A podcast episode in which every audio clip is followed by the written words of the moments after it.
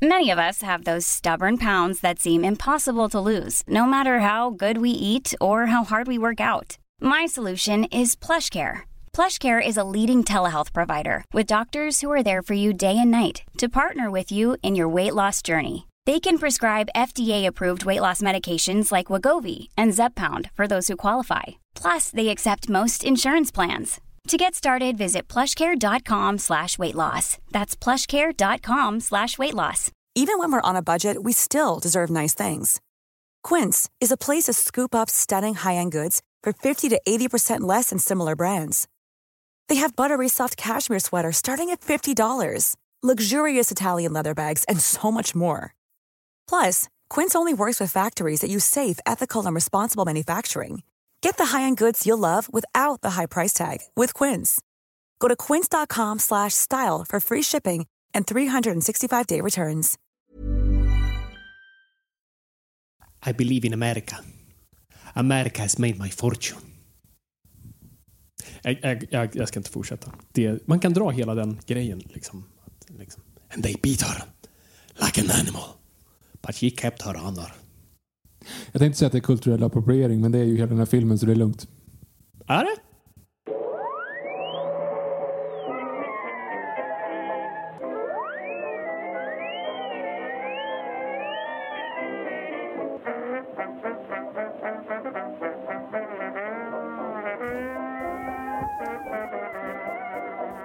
Då börjar det i stort sett bara. Hej och välkomna till Nörden jag, jag som är nörden Fabian Nordlander. Och det är jag som är jag, Viktor Engberg. Det här är podcasten i samarbete med Acast där vi pratar nördämnen, nördkultur i slags bildande syfte. Jag försöker bilda Viktor i saker han tycker om men inte vet så mycket Och om. idag är en stor dag. Uh, vi inleder året stort. Exakt. Alltså, oh, alltså, oh, alltså uh, vikten, uh, vik, ja, vikten av det här avsnittet är liksom, det, det är som en apa på min rygg.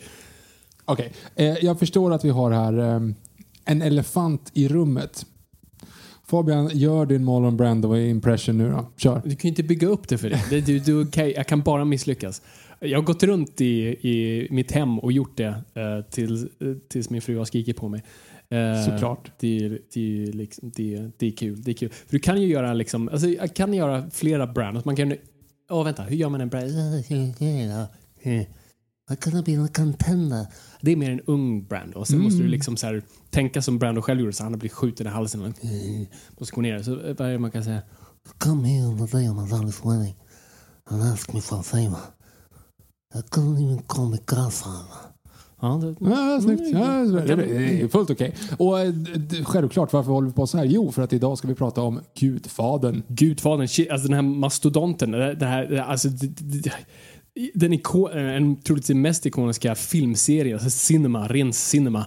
Vi kan prata Star Wars, Batman och allt sånt där och det är ikoniskt på sitt sätt. Men det finns inget, när det kommer till ren liksom, film, som vi säger, film, eh, så, så, så blir det något mer, mer, mer större än, än Gudfadern. Och, och varför ska vi prata om Gudfadern så här helt random? Jo, men det är ju för att runt hörnet, eller runt nu, hej framtiden, så släpps en ny version av Gudfadern 3, men som nu då är omdöpt till den först tilltänkta titeln The Godfather Coda, The Death of Michael Corleone. Ah, Och eh, den är som då en, en omklippt och mer förnyad version, tydligen då eh, så som Coppola ämnade att den skulle vara, eh, kommer nu släppas här och eh, vi tänkte så här, ja men fan, då, då känns det värt, finns det nog inget bättre tillfälle att, att snacka om Gudfadern. Kör de deepfake då med Winona Ryder på eh, Sofia Coppolas ansikte, eller hur gör man då? Uh, ja, det är ju det är svårt liksom, du går ju inte mot familjen. Så. Det. never go against the family. Okej, vi kommer aldrig få slutet på det där. Sorry. Eh, så Gudfadern, alltså, var, var börjar man någonstans? Jag tror, jag tror i rätt ände är att starta med frågan Viktor. Vad är din relation till Gudfadern? Ja, men vi har pratat om det här några gånger tidigare. Så här, vissa filmer, Star Wars tror jag var i det exemplet, vissa filmer som är så pass stora så att du hade sett dem innan du sett dem. Alltså du hade sett referenserna till det innan du ens förstod vad det var för någonting.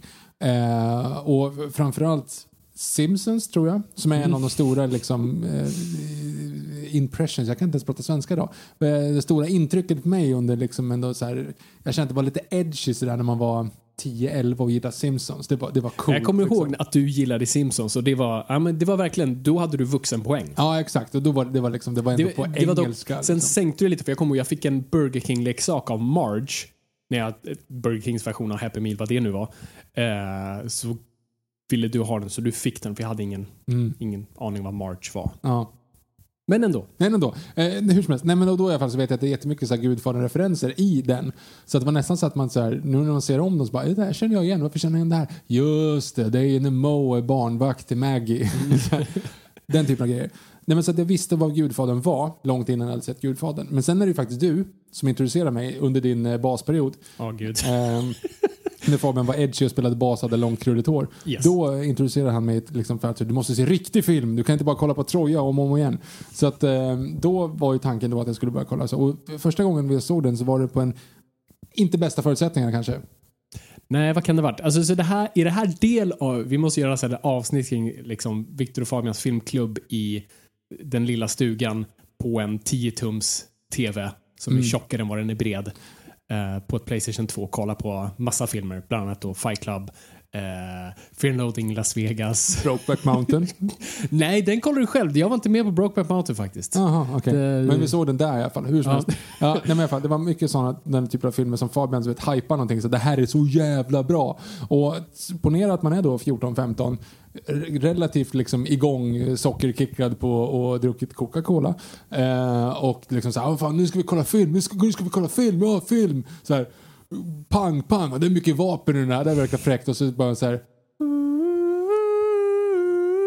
och man säger, åh nej.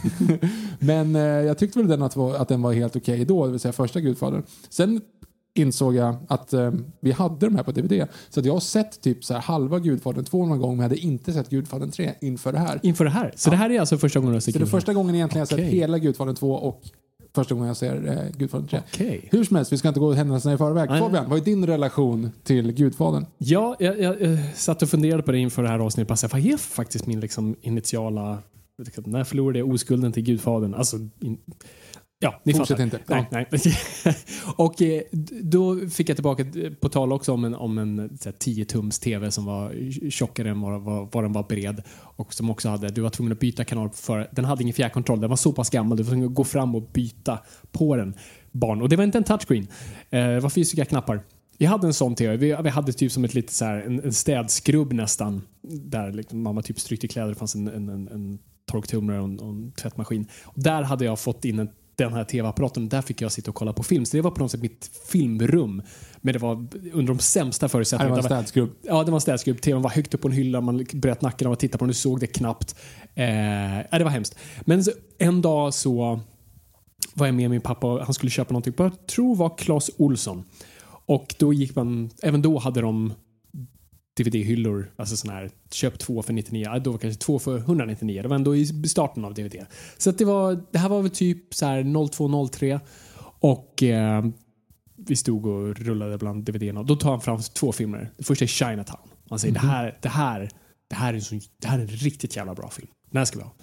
Och sen tar han fram Gudfadern och sen det här är den bästa filmen som någonsin har gjorts. och jag bara okej.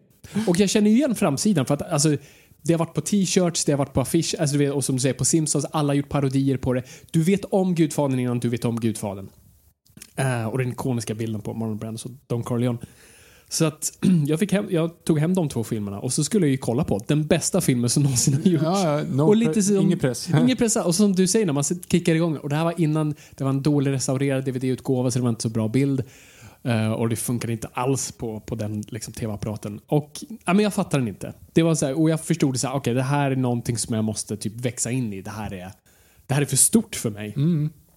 Och det är en film som jag typ, det har inte gått fem år utan att jag har sett om första Gudfadern. Och det är inte av att jag har varit ett så här, åh nu ska jag gå och se Gudfadern, utan den har antingen så här, ja men jag har haft den eller varit hemma hos någon eller man säger, ja vi, vi drar på Gudfadern.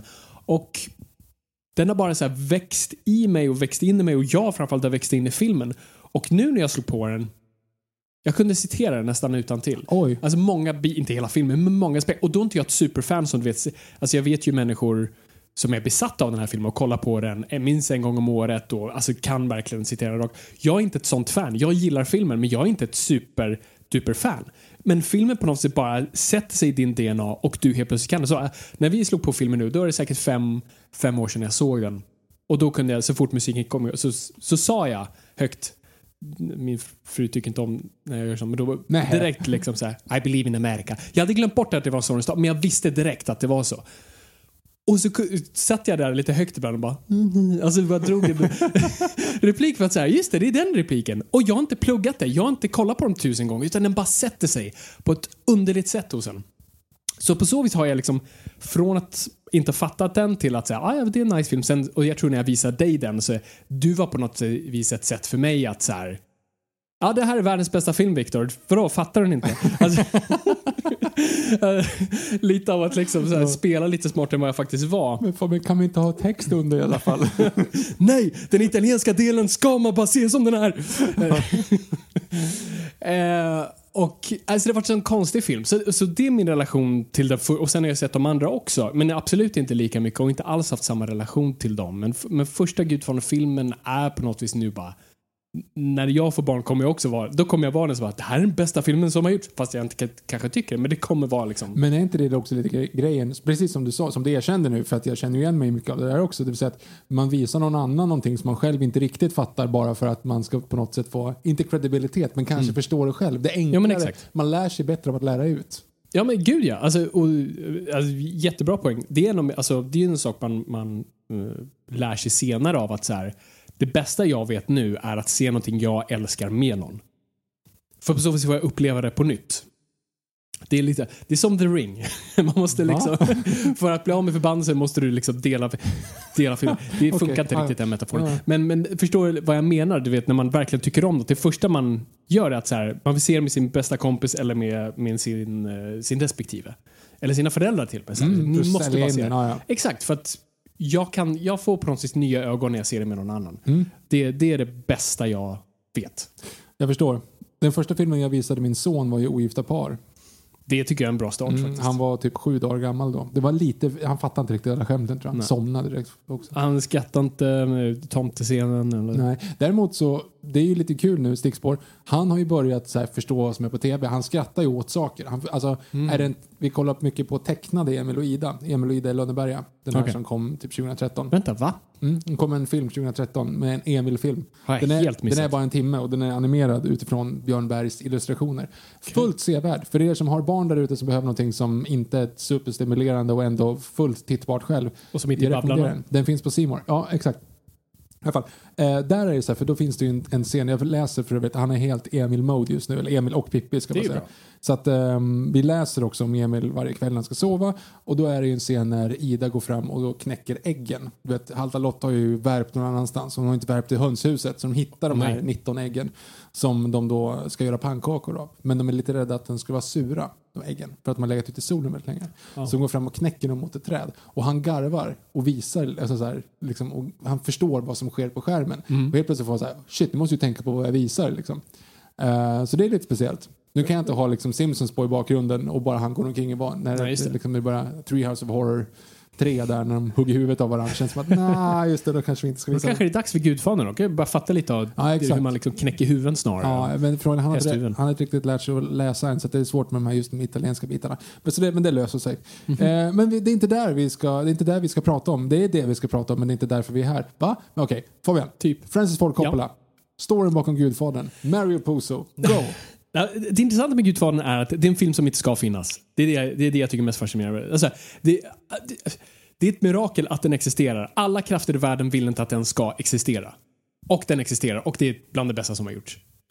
Um, så det börjar med hos Mario Puzo som är, som är en författare och han är inte en sån eh, vad ska man säga, populär författare. Han har skrivit mycket och skrivit väldigt bra och varit väldigt liksom, omtyckt bland kritiker men aldrig sålt någonting som säljer. Eh, och han har inte mycket pengar och, bara, och börjar liksom, han är medelålders nu och lite så här, "Ja, men kom igen. Det är liksom, nu måste det börja lossna lite. Så hans eh, redaktör, säger man redaktör när det kommer till böcker? Förlag? Hans förlag. Hans förlag. Eh, säger så här, men fan, du är italienare, kan inte du bara skriva någonting om maffian? Folk gillar sånt. Han bara, "Ah, okej då. så liksom mot sin vilja och utan någon artistisk liksom, känsla för det så skriver han Gudfadern. Han vet ingenting om maffian. Han har liksom ingen inblick i den världen utan läser typ lite om det ah, och skriver då Gudfadern. Parallellt då, eh, så han, den publiceras 69 och nu är vi precis i den här counterculture-perioden i Hollywood. För, snabbt, förklara. Yes. Vi, vi- har pratat om tidigare så, så ursäkta mig. Men, eh, men runt den här 68-rörelsen så är Hollywood i kris. Delvis har de här gamla mongulerna gått typ i pension. De här Goldwins och Mayors och alla de där Warner Bros. Alla de börjar gå i pension, sälja av sina studios till stora så här, conglomerate, stora företag. Och ingen vet vad folket vill ha. För att helt plötsligt nu, eh, ni kanske känner igen det här. Nej men alltså helt plötsligt så säger folk att nej men vi kanske kommer se tillbaka på film så som folk såg tillbaka på vaudeville. Alltså sån här speciella cirkusaktiga där man säger gå och kolla på eh, Skäggiga damen. Skägg, Skäggiga damen och eh, eh, Méliès film där en stol trollas till en kvinna. Eh, alltså, sån här, alltså då filmer bara var en, en udda grej, en, en speciell grej som bara vissa gjorde. Så man såg nästan lite på Hollywood som det. Ja, men det var en grej som funkade i 50 år och sen var det över. Ehm, så ingen riktigt visste vad som funkade och det är den här klassiska citat “Nobody knows anything” och det var verkligen på sin topp då för att runt den här perioden så släppte de Sound of Music, det var en superhit, bara fan vad nice, musikaler, testade den till, totalfloppar. Så bara, men vad är det folket vill ha? Och ungdomarna var inte intresserade av Hollywood-rullar utan det var, nu börjar de här Easy Riders och de där dyka upp. Midnight Cowboy. Ja, precis. Och i hela den rörelsen dyker Coppola upp. Så Coppola har börjat sätta upp shop. Han börjar eh, liksom riktigt. Han börjar jobba med Roger Corman och gör lite smågrejer, skriver lite manus för honom. Sen får han göra en egen skräckfilm. Han gör en liten semiporrulle eh, semiporr-rulle eh, och jobbar sig upp i, i den världen. Och eh, han vet tillsammans med sina polare, alltså Scorsese, George Lucas, Spielberg och alla de där, eh, fattar att Hollywood vill inte ha dem. De vill inte ha de här nya unga radikala personerna än. Så det här är fortfarande lite före Easy Rider. Så han bestämmer sig för med Walter Murch som är, kommer bli en väldigt känd eh, klippare och George Lucas att säga, men vad händer om vi sätter upp shop i eh, eh, San Francisco? För det kändes lite, på den tiden var ju San Francisco liksom hippiestaden. Det kändes lite eh, bohemiskt. Så vi sätter upp shop där och vi, eh, vi döper det till Zoetrope och det ska bli liksom en ny independent filmrörelse där vi gör våra egna filmer, där vi har full kontroll och vi kan göra de här liksom, experimentella filmerna. Har, vilka har idéer? Och George Lucas säger jag har en idé. Bara fan vad nice, vad är det för någonting? THX heter det. Det kommer vara en experimentell sci-fi film och det kommer vara så jävla coolt. Och de bara fuck it, bra George. Pumpar in alla pengar i det. Han gör den här THX eh, totalt floppar. De förlorar alla sina pengar och helt plötsligt så, så är de så här ah. Klipp till, eh, tillbaka till Hollywood. Där har vi en ung, ganska cool producent som heter Robert Evans. Och han jobbar för Paramount och Paramount, det går inte så bra för dem. De har precis blivit uppköpta av uh, Golfen, vad heter den? Golfen Western. Jag som var vet ett stort inte. conglomerate-företag. Och eh, de vet inte vad de ska göra med Paramount. Paramount vet inte vad, vad de ska göra och de är redo typ att lägga ner hela skiten. Så Robert Evans bestämmer sig för att säga, okej, men jag ska filma en presentation och bara försöka presentera för ledningen vad vi gör här. Så det, finns, det går att kolla den här filmen då han, då han håller det här föredraget och säger så här, ah, det, det, det är skit, eh, Hollywood är skit, allt går skit. Men vi har ändå liksom lite grejer på G. Så det vi har gjort nu är att vi har börjat kolla in på böcker. Så det vi gjorde här för ett tag sedan var att vi köpte en bok som precis typ skulle släppas eller skrevs som heter Love Story och vi gjorde filmen parallellt. Och när filmen släpptes så var boken nummer ett i landet. Så liksom boken var redan släppt och det var hype kring boken och då kom en film. Vi funderar på att göra lite samma sak kring den här lilla boken som heter Gudfadern. Eh, den är skriven av Mari Puzo och vi tror väldigt mycket på den här boken. Vi tror att det kan bli någonting. Så att vi, vi vill jättegärna att vi satsar på det här projektet. Och alla blir lite såhär, okej fine. Det, det är liksom det är en sliskig, konstig bok. Så vi kommer komma in lite på det. Eh, men eh, fine, gör det. Och eh, de går runt i Hollywood och försöker pitcha det här för regissören. Alla säger nej. Alltså maffiafilmer är vid den här tidpunkten död. Alltså maffiafilmer fanns, gjordes en del av på 30-40-talet under noirvågen och då var det liksom moralsagor, alltså de här Scarface och de där. Då skurken sköts i slutet och det var liksom mm, Det går ut på att folk inte ska göra så här. Exakt, crime don't pay. Alltså det, var, alltså det var bokstavliga texter i slutet av så här, det här är varför han dog. Eh, och de hade försökt en film med Michael Douglas några år tidigare som var totalt flopp, eller Kirk Douglas, som var totalt floppat. Maffiafilmer såg som liksom smuts. Och också, också på den här tiden, alltså just också runt 68-rörelsen, man vill inte försköna sådana grejer. Så alla sa nej. Och då var studien lite såhär, okej, vad går vi till då? Och då var, dök Coppola upp liksom bland namnen och de tänkte så här, hmm, han är italienare. Och han är ung och oerfaren vilket betyder att vi kan liksom bossa omkring honom. Så det känns som ett ganska bra tillfälle att vi, ska, vi tar in honom, han kommer inte ta mycket pengar, det kommer vara easy peasy lemon squeezy. Älskar uttrycket. Mm. Så de ger det till Coppola, han säger nej. Men klipp till THX. Sorry Francis, we need money. I like money.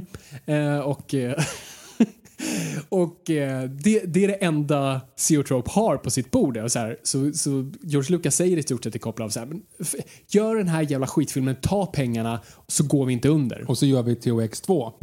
Exakt. Jag har en jättebra idé. Nej George. Ja, men det handlar om en rymdsaga. Och ehm, så Coppola säger fuck, okej, nej, jag gör det, jag gör det. Jag, jag tar pengarna och går. Och eh, han tar boken och läser Han tycker inte alls om boken, han tycker det är en skitbok. Och boken är rätt annorlunda mot film, eller så här. Filmen är skittrogen boken.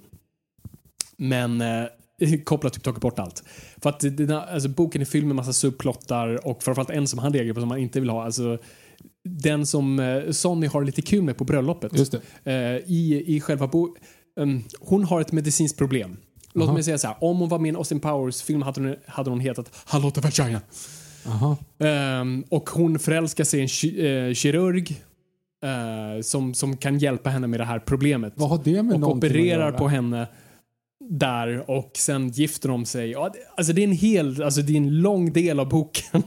och, alltså, och den har jättemycket sexscener. Den har så mycket sexscener. Du kollar på en svensk film, du har ingen aning. Ehm, det var grovt. Så att eh, så kopplar likt många andra känner bara att det här är en sliskig bok om alltså, maffia. Bara. Ah, ah, mm. Men han bestämmer sig ändå för att skriva den tillsammans med Puzo. Och det, det han sen på något vis hittar i boken är att så här, ah, men det här är liksom en historia om tronföljd och familj. Det här är nästan Shakespeare om vi isolerar oss på Don Corleone och Michael Beaton. Alltså en kung som har tre söner. Just det. Och de sönerna har aspekter av honom och det kommer gå i arv till någon av dem. Och eh, Det är det han ser. Så han ser och framförallt det han vill göra med det är att det, är, det ska vara en metafor för kapitalism i- Amerika. Mhm. Amerika. Och ehm, studion blir direkt så här. "Uh", Men Robert Evans säger så här, äh, men han är italienare, han vet vad han gör. Så Är han ens italienare? kopplar italienare. Jaha. Mm, eller äh, amerikansk Jag tänkte säga, han är inte född i Italien. Nej, Nej. nej, nej. Ja. Eh, Eh, men, eh, men, men, men har hela den liksom kulturella aspekten. Så Coppola skriver manuset tillsammans med Puzo. Först bara tar Koppla sidorna rakt av och liksom gör en nästan sån som man har i teatern. En stor pärm där bara klistrar in de här sidorna. Och det går att köpa den här. Det, det finns en bok som heter The, The Godfather Notebook där, där de bara publicerat den som den här. Väldigt intressanta grejer som finns där. Hur han, han verkligen skriver liksom så här, det här får inte bli en klyscha, du får inte ha liksom massa per- personer som kastar gabagool-mackor på varandra. De gör det, men eh, det får inte vara klyschigt. Eh, och så här, scener som verkligen så här, det här måste vi få fram det här, det här måste vi göra det. Och han verkligen bara sätter sig in i att så här, hur gör vi det här så ballt och coolt som möjligt. Och framförallt så här, hur mycket han tar från andra inspirationer och sånt där. Vi ser Gudfadern som en helt unik grej, men det är så mycket han bara snor, alltså fint snor från andra regissörer och andra, andra filmer. Uh, och uh, de är klara med manuset och eh, ska gå i produktion. Och då är det frågan om casting. Och eh, Coppola funderar på så här, hmm, vilka liksom, vem kan spela Vito, Don Corleone? Liksom, vem, vi måste ju ha liksom. Så han bara frågar så här, vilka, vem, vilka är de bästa skådespelarna? Och de, de man kommer på är eh, Laurence Olivier och Marlon Brando. Och han säger, ja, Laurence Olivier var typ perfekt i ålder och såg typ ut som en maffiaboss men han är britt och han var liksom, han var, han var ganska gammal och skör vid det här laget. Så det var så här, hmm. Så de här hmm, Marlon Brando ändå. Han är inte italienare, han är 45 bast. Men det kan funka. Så han går till eh, Paramount och säger, jag skulle vilja ha Marlon Brando. Och de säger, nej. nej, nej, nej, nej, glöm det. Man säger, jo, jag vill ha Marlon Brando. Och bara, okej, låt, mig, låt mig säga en sak till dig, säger chefen. Så länge jag är här, så länge jag är VD för Paramount Studios kommer Marlon Brando aldrig göra en film i, på den här studion. Okej. Och eh, som liksom ganska ung hippie så faller bara koppla ihop på golvet och typ gråter framför dem. Och de bara åh, det här var pinsamt. Vad man ska komma ihåg också vid det här, alltså Marlon Brando är på the f- no-fly list i Hollywood. han ses bara som ett problem. Han är en diva som bara, han kommer sent till inspelningar, han kan inte sköta sig. Alla hans filmer floppar. Han, alltså, han är bara sämst. Han, Men hade han sin- har ju varit bäst. han har varit bäst och det är det man så glömmer. Så här, hur kan man inte ha haft Marlon Brando? Jag har inget bra exempel. Men tänk dig typ, det här är det här är bästa exemplet, det är ett dåligt exempel. Men tänk dig typ så här, om nå jag ska göra en film, Viktor. Och det, det har en så här patriark i huvudrollen som jag vill casta. Och jag vill ha en så här skådis med mycket liksom mörker och mycket liksom... Jag förstår. Jag förstår. Du, letar, du tänker Peter Haber, du tänker Lennart Jäkel, du tänker någon av de här liksom lite power i kroppen. Ja, Eh, jag, jag vill ha Charlie Sheen. okej.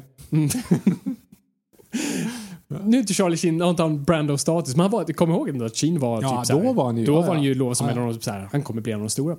Och det var lite den Så gjorde han hot shots och så försvann han. Ja, precis. Och det var lite andra grejer där. Ehm, men Brando var bara så Han tog massa hot shots och försvann och mer. Ehm, men Brando var bara nej. Han är en bråkmakare, han är överskattad, han är fet och han är bara nej, glöm det. Och så här kopplar bara så här, men om jag inte ens får ha, om jag inte ens får liksom prata med vad kan, jag är regissör, vad ska jag göra? Han typ gråter och bara okej fine. Pratar med honom, men han får jobbet med tre, vi har tre liksom, ska man kalla det? Krav? Tre krav. Vilket är att eh, nummer ett, han måste göra en audition. Han måste provfilma för Det är väl det största problemet för honom antagligen. Ja. Precis. Han måste göra det gratis. Och han måste göra, eh, sätta in en miljon dollar som, vad kallar man det, insättning. Som en så, här, så att han inte kommer sent, han får inte jävlas, han får inte hålla på och bara diva omkring. Så han måste sätta in en miljon dollar. Så att liksom, de sätter ju bara upp för att så här, Ja, han ska känna sig förnärmad och inte ens vilja komma dit. Nej, han kommer dit. Ja. Men så kopplar ringer honom och säger så här, jag funderar på den här rollen och så här, Brandon blir rätt intresserad. Så här, hmm, jag måste övertala honom om en provfilmning. Så han säger så här, du kan jag bara komma förbi ditt hus med en kamera? Jag vill bara göra lite kameratester, så här, sminktester och så, så, så han kommer över med Timo och han säger till Timo så här, vi säger ingenting. Alla håller bara käften och vi bara rullar kameran. Så de kommer dit och eh, Coppola har köpt massa så här, italienska ostar och korvar och cigarrer. Och eh, Marlon Brando öppnar dörren, blond, långt hår och har en japansk kimono på sig. Och de bara fuck. Men så kommer de in och så börjar de ändå så här, ta, ta fram alla de här grejerna och så börjar liksom, de säger typ ingenting till varandra. Brando börjar liksom så här röra på sig konstigt, börjar liksom forma sin kropp nästan och börjar, börjar med, som man gör. Och så börjar han ta lite liksom servettpapper och stoppa i kinden. I want it to look like a bulldog. Okej, och så tar han uh, skoputs och börjar liksom ta det i håret så blir det lite så här svart. Och börjar äta på osten då. Och börjar så här, Oh, I want to, I want his voice to be harsh. And I want him, he's been shot, you know. och, bara liksom, bara, och man ser att han bara helt förändrar sig själv. Börjar så här, och fixa sin skjorta. Så här. I think if cars should be folded up so you can, you know, those, those Italian guys do that. Och alla bara är helt tysta. Bara, mm, absolut. Så han vet inte att han... Han tror ju han, de bara leker. kopplar, försöker få det här att se ut som en audition. Och när de har filmat klart, han är superpepp. Fan, han gick ju verkligen Han verkar vilja göra det här. Men han tänker fortfarande att studion kommer inte gilla det här. Så vad Coppola istället gör är att han åker till New York istället för Los Angeles och träffar vdn på Golf and Western som äger Paramount. Mhm. Och eh, bara dyker upp en dag i hans kontor bara, du jag vill visa dig en sak. Han bara, ah, fan, kul. Och så trycker han på play och drar upp Brando och han bara, nej, vad, vad har vi sagt om det här? Och så, Åh herregud, det här är helt fantastiskt. Åh gud, det här, det här är helt otroligt. Oh my god. Och så ringer jag studion och så på så vis så, han får Brando. Men det tar ju inte slut där. Alltså, nu är det problem att kasta resten av grejen. Uh, Coppola vill ha okända och han är besatt av att ha den här unga teaterskådisen från ingenstans som heter Al Pacino. Och så säger "Pff, nej, vi ska ha Robert Redford. Han är ju inte Men italienare. han är inte italienare. Han ser inte ens italienare. Säger, Jo, men du vet de här norra italienarna, de är, de är ju blonda. Men från Sicilien. Och så finns det vissa som argumenterar, jo men det finns, typ Sicilien var ockuperat av Frankrike ett tag så det finns många blonda sicilienare och tydligen i boken så har han lite blonda drag, eh, Michael. Men, men, Men Mary Pacino- Puzo hade ju ingen koll överhuvudtaget. Så nej, nej exakt. och eh, så, så de försöker med massa andra skådespelare som försöker kasta på honom. Men, och varje gång Coppola vill kasta dem han vill, vilket då är Al Pacino, du har eh, Diane Keaton, du har uh, Sonny. Um, uh, Khan. James eh, just James eh, och alla de där. Och ingen vill ha dem. Eh, men varje gång han ber om dem så måste han göra så här provfilmningar på det. Och eh, som James Caan sa, så här, om de bara anställt oss från början vi kostade ju ingenting, men de la typ en miljon på provfilmningar på att vi hela tiden skulle bara här, testfilma, testfilma, testfilma, testfilma.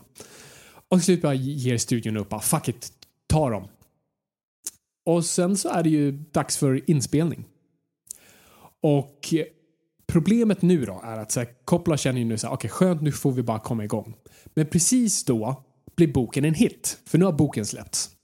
Och boken blir enorm. Det blir en bästsäljare. Så studion direkt blir så här, fuck! Vi har anställt en långhårig skäggig hippie, knappa 30 och vi har målat, ah! Det här är katastrof!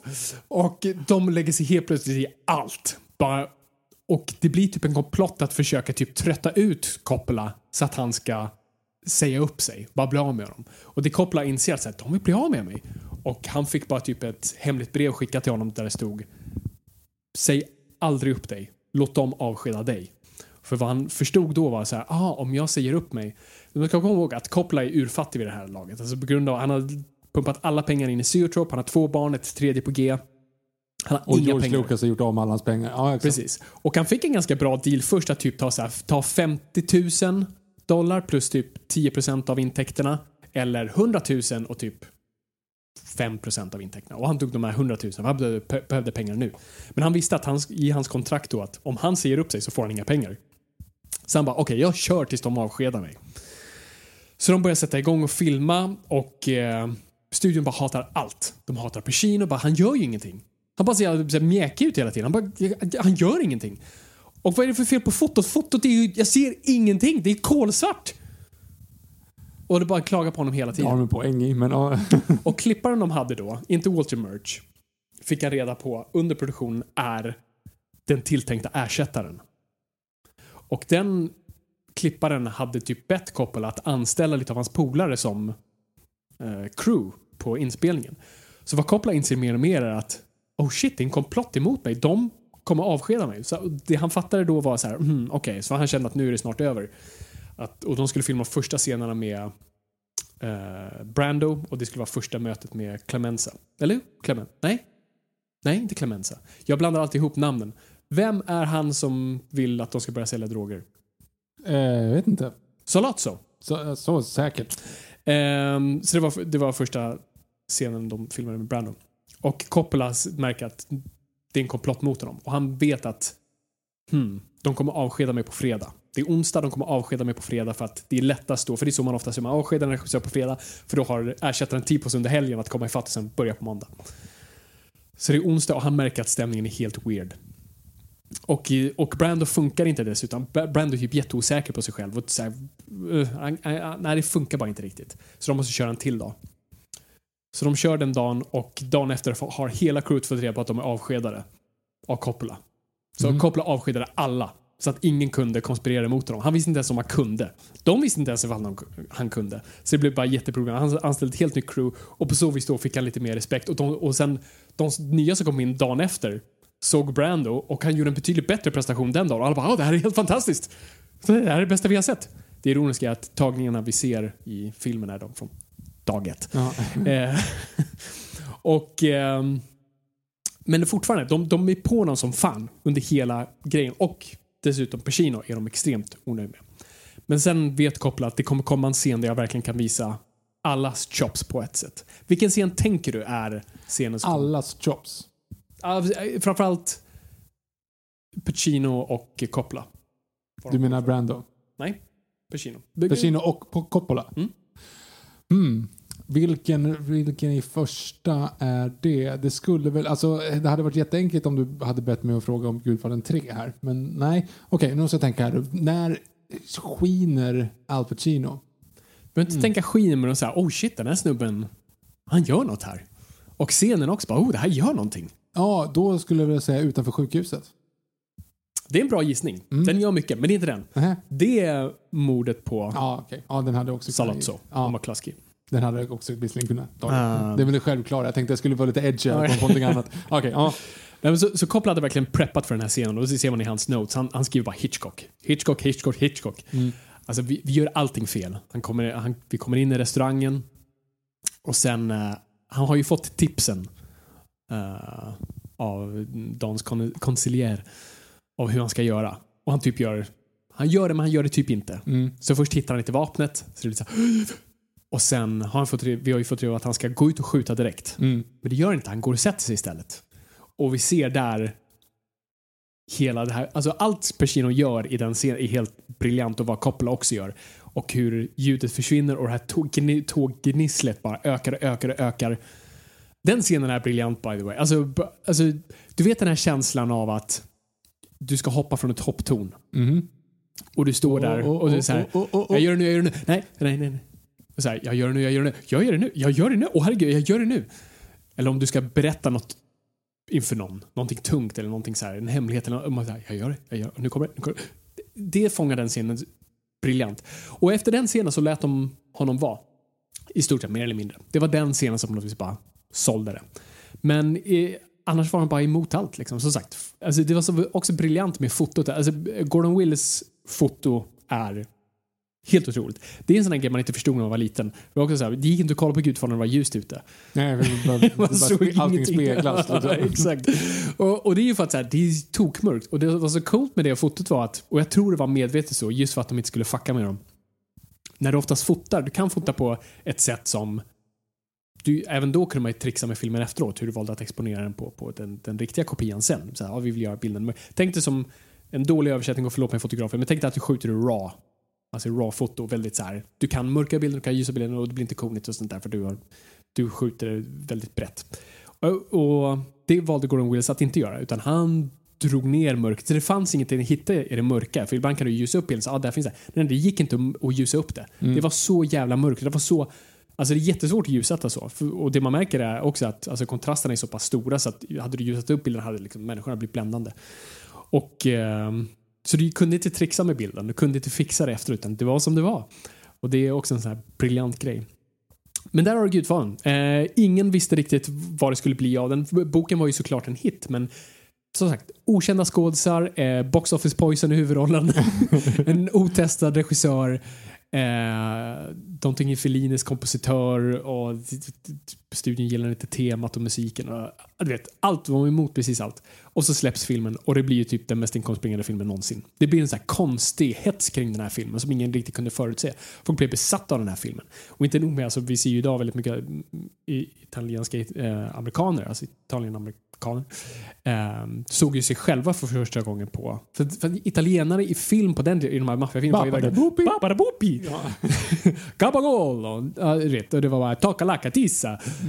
Eh, De hade aldrig sett det, men nu kunde de för första gången se sin kultur speglas på ett sätt. Så för dem blev det en helig film, men också för, för resten av USA och resten av världen blev det en, helt annan slags film som, som var äkta på... på och, vi, kan, vi kan, det är väl rätt är väl ingång att att gå in. Prata om filmen. Viktor, du har sett Gudfadern nu sen första gången sen vi såg den i den lilla eh, stugan Det, det, som jag minns det så har jag väl sett den en gång efteråt också visserligen. Men, men eh, jo, det är första gången på väldigt många år i alla fall nu. Mm. Så vad Eh, slogs du av? Jag slogs ju av, det är liksom, det är också svårt att prata om en sån här film för att alla vet att den här är svinbra. Ja. Och när jag ser den nu så tyckte jag såklart att den var svinbra. Alltså den är, den är knivskarp. Mhm. På ett sätt som, det var länge sedan jag såg en, alltså det var länge sedan jag såg en, en det är som du sa, film. Movies. Alltså, det är någonting helt annat att se någonting som är från den här perioden men också liksom så att det finns ett så sjukt jävla hantverk bakom. Vi kommer komma in på det mer i Gudfadern 2 men det känns som att det man löser idag med CG Mm. eller CGI det fanns ju inte då så du var tvungen att bygga det och du var tvungen att framställa det på ett sätt. Alltså, det, det, finns, det, det är två paralleller i det här. När man idag försöker få allting att vara Alltså, allting ska vara rätt. Eh, Missförstå mig rätt, men du skulle aldrig sätta James Caan och spela italienare. Du skulle aldrig sätta Nej. Marlon Brando och spela italienare Nej. idag. Nej, nej, det hade varit cultural Ja, appropriation. det hade varit cultural appropriation. Det hade till och med varit lite problem. Vänta lite, han är, från, han är ju från Milano, han är inte från Sicilien. Nej, alltså det, det hade ju kunnat vara på den nivån. Liksom. Men här gör man inte och det skiter man i. För skådisar är skådisar. Mm. Spelar ingen roll om de spelar italienare eller hundar eller, eller liksom mördare eller riddare. De är liksom skådisar, de kan porträttera allt. Men allting annat ligger i hundraprocentiga detaljer. Och det var länge sedan jag satt och tänkte på en film. Så här, Åh, det där var snyggt. Åh, det där var snyggt. Och kolla där, det var snyggt. Och det där var snyggt. Alltså, det, hela, det enda du sitter och gör är ju liksom att bara tänka på dem utifrån de perspektiven. Och det som jag nästan skulle säga mest av, som jag vet att folk, som jag, och så här, ja, jag tänkte så när jag var 15 och såg den här första gången med dig. Det är ju att det känns som att det känns inte som att det är skådisar utan det känns som att du är där. För det finns du, knappt några närbilder. Alltså du, när, du, när de som pratar så är det alltid två olika shots. Alla de här festgrejerna. Du, du märker inte att kameran är där. Kameran är alltid långt bort ovanifrån på något sätt som att det bara är någon som övervakar en fest. Så, hade det inte, så hade det inte sett ut idag. Det hade ju liksom på dan- när de hade dansat så hade kameran Ja, men gjort en Titanic, du vet man dansar med, med, mot kameran. Så här. Alltså, det är ju aldrig så, utan det alltid är som att det är någon som filmar en fest. Precis. Så det känns som att du sitter och kollar på en hemmagjord film. Liksom. Exakt. Alltså så här, när du är där. Vilket, ju mer det blir, samma sak, eh, eh, misshandeln till exempel är en sån. Eh, Misshandeln. Ja, när Sonny misshandlar Ja. eh, fru, eh, syrrans man där. Mm. Till exempel. Det är också så här, det, det känns som att allting är en tagning, allting är långt bort, allting är... Det, kän, det är teater, men på film. Mm. Och så var det ju inte på 70-talet, så var det ju på 30-talet. Liksom. Ja. Då, var det, då, var, då ställde de upp och så gjorde alla som en teater fast man filmade det och så Mm. hade man några fler vinklar. Liksom. Det så var det inte på 70-talet. Men det här känns som det känns som att det här, på ett sätt som att det är episkt och verkligt. Och med det sagt så var så här, jag var helt inne i det. Och jag förstår varför den här är nummer två eh, på IMDB. Jag skulle kanske inte sätta den där, men det är ju en femma utan problem i alla fall. Mm. Nej, men det, det är väl just det, precis som du säger, så här, jag kan inte ens, så, och som jag beskrev i början, så här, jag har ingen större relation till Gudfadern, det är ingen film jag är besatt av, det är ingen film jag så här, men jag ser den, jag vill slå på den ibland och då är det så här, det här är helt fantastiskt. Den är nog inte ens på min, så här, den är absolut inte på min topp 10-lista och det är inte för att tala ner filmer utan bara så här, jag har ingen nära relation, men så här, det är uppenbart ett mästerverk. Och det är det som är så intressant när man kollar på den. För att jag försökte verkligen kliva ur. Det är så lätt att du kollar på den och du ser ikonografin direkt. Så vi ser inledningsscenen. I believe in America. Sorry, jag ska sluta. Eh, och det är bara så här, ah, det är den här scenen. Han frågar om en tjänst. Allt det där. Det är så här, mm. Men så måste man sätta på den så här, nej men vad är det, vad handlar den här scenen om? Och så börjar man så här, titta. Åh herregud, det här är briljant. Här, vad, om vi bara går, vi ska inte gå igenom varje scen, men liksom, vad handlar den scenen om, Viktor? Du behöver inte- det här är ingen så här utfrågning. Det är du som har pluggat film, jag har pluggat marknadsföring. Ehm, men det är ja. inledningsscenen som ska förklara hela filmen. Och det är Det förklarar ju karaktären Do- Don Corleone såklart i och med att han är han vill ju ha jag tycker nästan det mesta är att han, han ifrågasätter, när han, det, hela inledningsscenen handlar ju om att en man vars dotter har blivit misshandlad och han gick till polisen och de grep de, de förövarna men de gick fria. Så att rättegången, det funkade inte liksom. Och Corleone säger bara direkt "Va- varför kom du till mig först? Varför gick du till polisen för? Och det är ju såklart att då sätter man just ribban ganska direkt liksom, Precis. i vem, vad det här är för karaktär. Och sen är han också ganska motvillig. Så här, Nej men det här kan jag inte, alltså det här, du, du är ju taskig, du, du, liksom, du respekterar mig inte och du, liksom, du kommer in här och ber mig om tjänster men du är aldrig min kompis och kallar mig inte ens gudfadern. Liksom. Men så gör han det och visar respekt och bara säger självklart ska jag hjälpa till. Och det, är någonting, det säger någonting såklart direkt om karaktären. Det var möjligtvis det som jag tänker på, men jag vet inte vad du har för briljant Nej, det, analys i det är övrigt. jättebra reciterat det. Och, och det är precis liksom så här. Den går så emot ens förväntningar. Vad man tänker kring maffiafilmer. Man tänker att en kille ska komma in där och förklara och typ lägga pengar på bordet och Donnen bara absolut, vi gör det. Men han nekar honom. Ja, han Vi, har, vi, har, vi inleder med en hjärtskärande historia om en man som jobbat inom systemet, kommer till, till USA, har en hård accent, men jobbat sig uppåt. Gett sina barn ett värdigt liv. De, eh, de drabbas av, av olycka och han försöker gå till systemet. Och systemet sviker honom. Så han måste gå desperat och som Don säger, liksom, så att du vill inte ha någonting med mig att göra egentligen. Du, liksom, du, du kom bara hit för att du vet att en sicilianare inte kan neka tjänster på ens dotters bröllop. Du, liksom, du bara utnyttjar situationen. Du vill aldrig ses med mig. Du skäms över att veta ens vem jag är. Ehm, det handlar om heder. Och det, och det är det Coppola vi pratar om i den här filmen. Att, som vi sa i början, han vill göra den som metafor för, för USA och kapitalism. Och det han vill säga är på något sätt att så här, det fanns en heder för det här systemet funkade så länge vi trodde på varandra. Men vi gör inte det nu, så alltså fallerar det runt omkring. Och Don är på något sätt symboliserar det gamla USA. För det han säger är ju i stort sett av att så här, jag kommer inte bara hjälpa dig för att du behöver hjälp och för att vara ärlig att din dotter lever. Ja, exakt. Han säger Utan- så här, vill, kan du inte döda dem åt mig? Så här, Mm. That's not, vad han säger, det är inte rättvisa. That's not justice. Your daughter is still alive. Mm. Precis. Eh, Liksom. Ja. Och, Och det är det liksom så här, jag vill inte ha dina pengar, jag vill inte ha liksom, jag vill bara ha din respekt. För det är det du ber om mig. När du kommer in i mitt hem, hem på middag, det är respekt du vill ha så du måste ge mig detsamma. Och det sätter upp hela storyn för vad, liksom, för vad det centrala temat av alla de här filmerna är. Är att det fanns förut respekt och det fanns förut en vilja att oavsett i vilket system du rör dig eller vad det nu är så fanns det en respekt till din gemene man och eh, du förväntar dig ing- ingenting större av en annan än vad du var villig att ge själv. Och det är det Michael kommer sen fördärva. Det är det, det är det som gör det så fantastiskt. Och sen klipper vi då ut till, till bröllopet där vi alltså, kopplar så briljant sätter upp varenda grej vi kommer se i stort sett hela filmen. Relationerna till alla och, och, och eh, vad som kommer utspela sig. Och nej, det, det, det, alla de där scenerna var jag bara tvungen att så här, vänta, vad- okej, just det, det här är scenen han skjuter honom, men vad, vad är det den handlar om? Och så bara, ah, just det, fan vad coolt. Och, det, och jag verkligen, om, om ni nu antingen har sett eller kommer se det på grund av det här avsnittet, verkligen titta på filmen och bara sådär, ja just det, bara så här, tänk, tänk, fundera på vad scenen, vad filmen faktiskt vill berätta. För det är det som är så problem med, eller problem, det är ett lyxproblem, men att ha de här ikoniska filmerna, att de lever på de meriterna vi applicerar på nu. Och, men tänk dig att sätta, sitta i en biograf 1972 och bara, ah, den här gudfadern, jag vet inte vad det är, och så bara, wow. Uh, den var inte ikonisk när den kom, utan den är det nu. Av en anledning och det är de grejerna vi måste liksom få fram. Mm. Nej, men det är ju, det är ju många liksom scener sådär som man kommer ihåg. Vet inte, du har ju också spelat Gudfadern-spelet. Ja, just det. Väldigt bra spel. Det kom ett Playstation 2-spel, eller Playstation 3, skitsamma, det fanns väl säkert i många konsoler, men eh, jag har det. Och där är det ju liksom, det är som GTA fast i Gudfadern-miljön som liksom spelar, utspelas parallellt med filmen. Liksom. mm. Och det är liksom du, du, det är du som placerar det där vapnet inne på toaletten åt Michael. Precis. Det, du hjälper den här mannen som har hästhuvudet som transporteras till sängen. Du Mm. liksom smyger, du är med i bakgrunden hela tiden. Du ser Clemens och allt.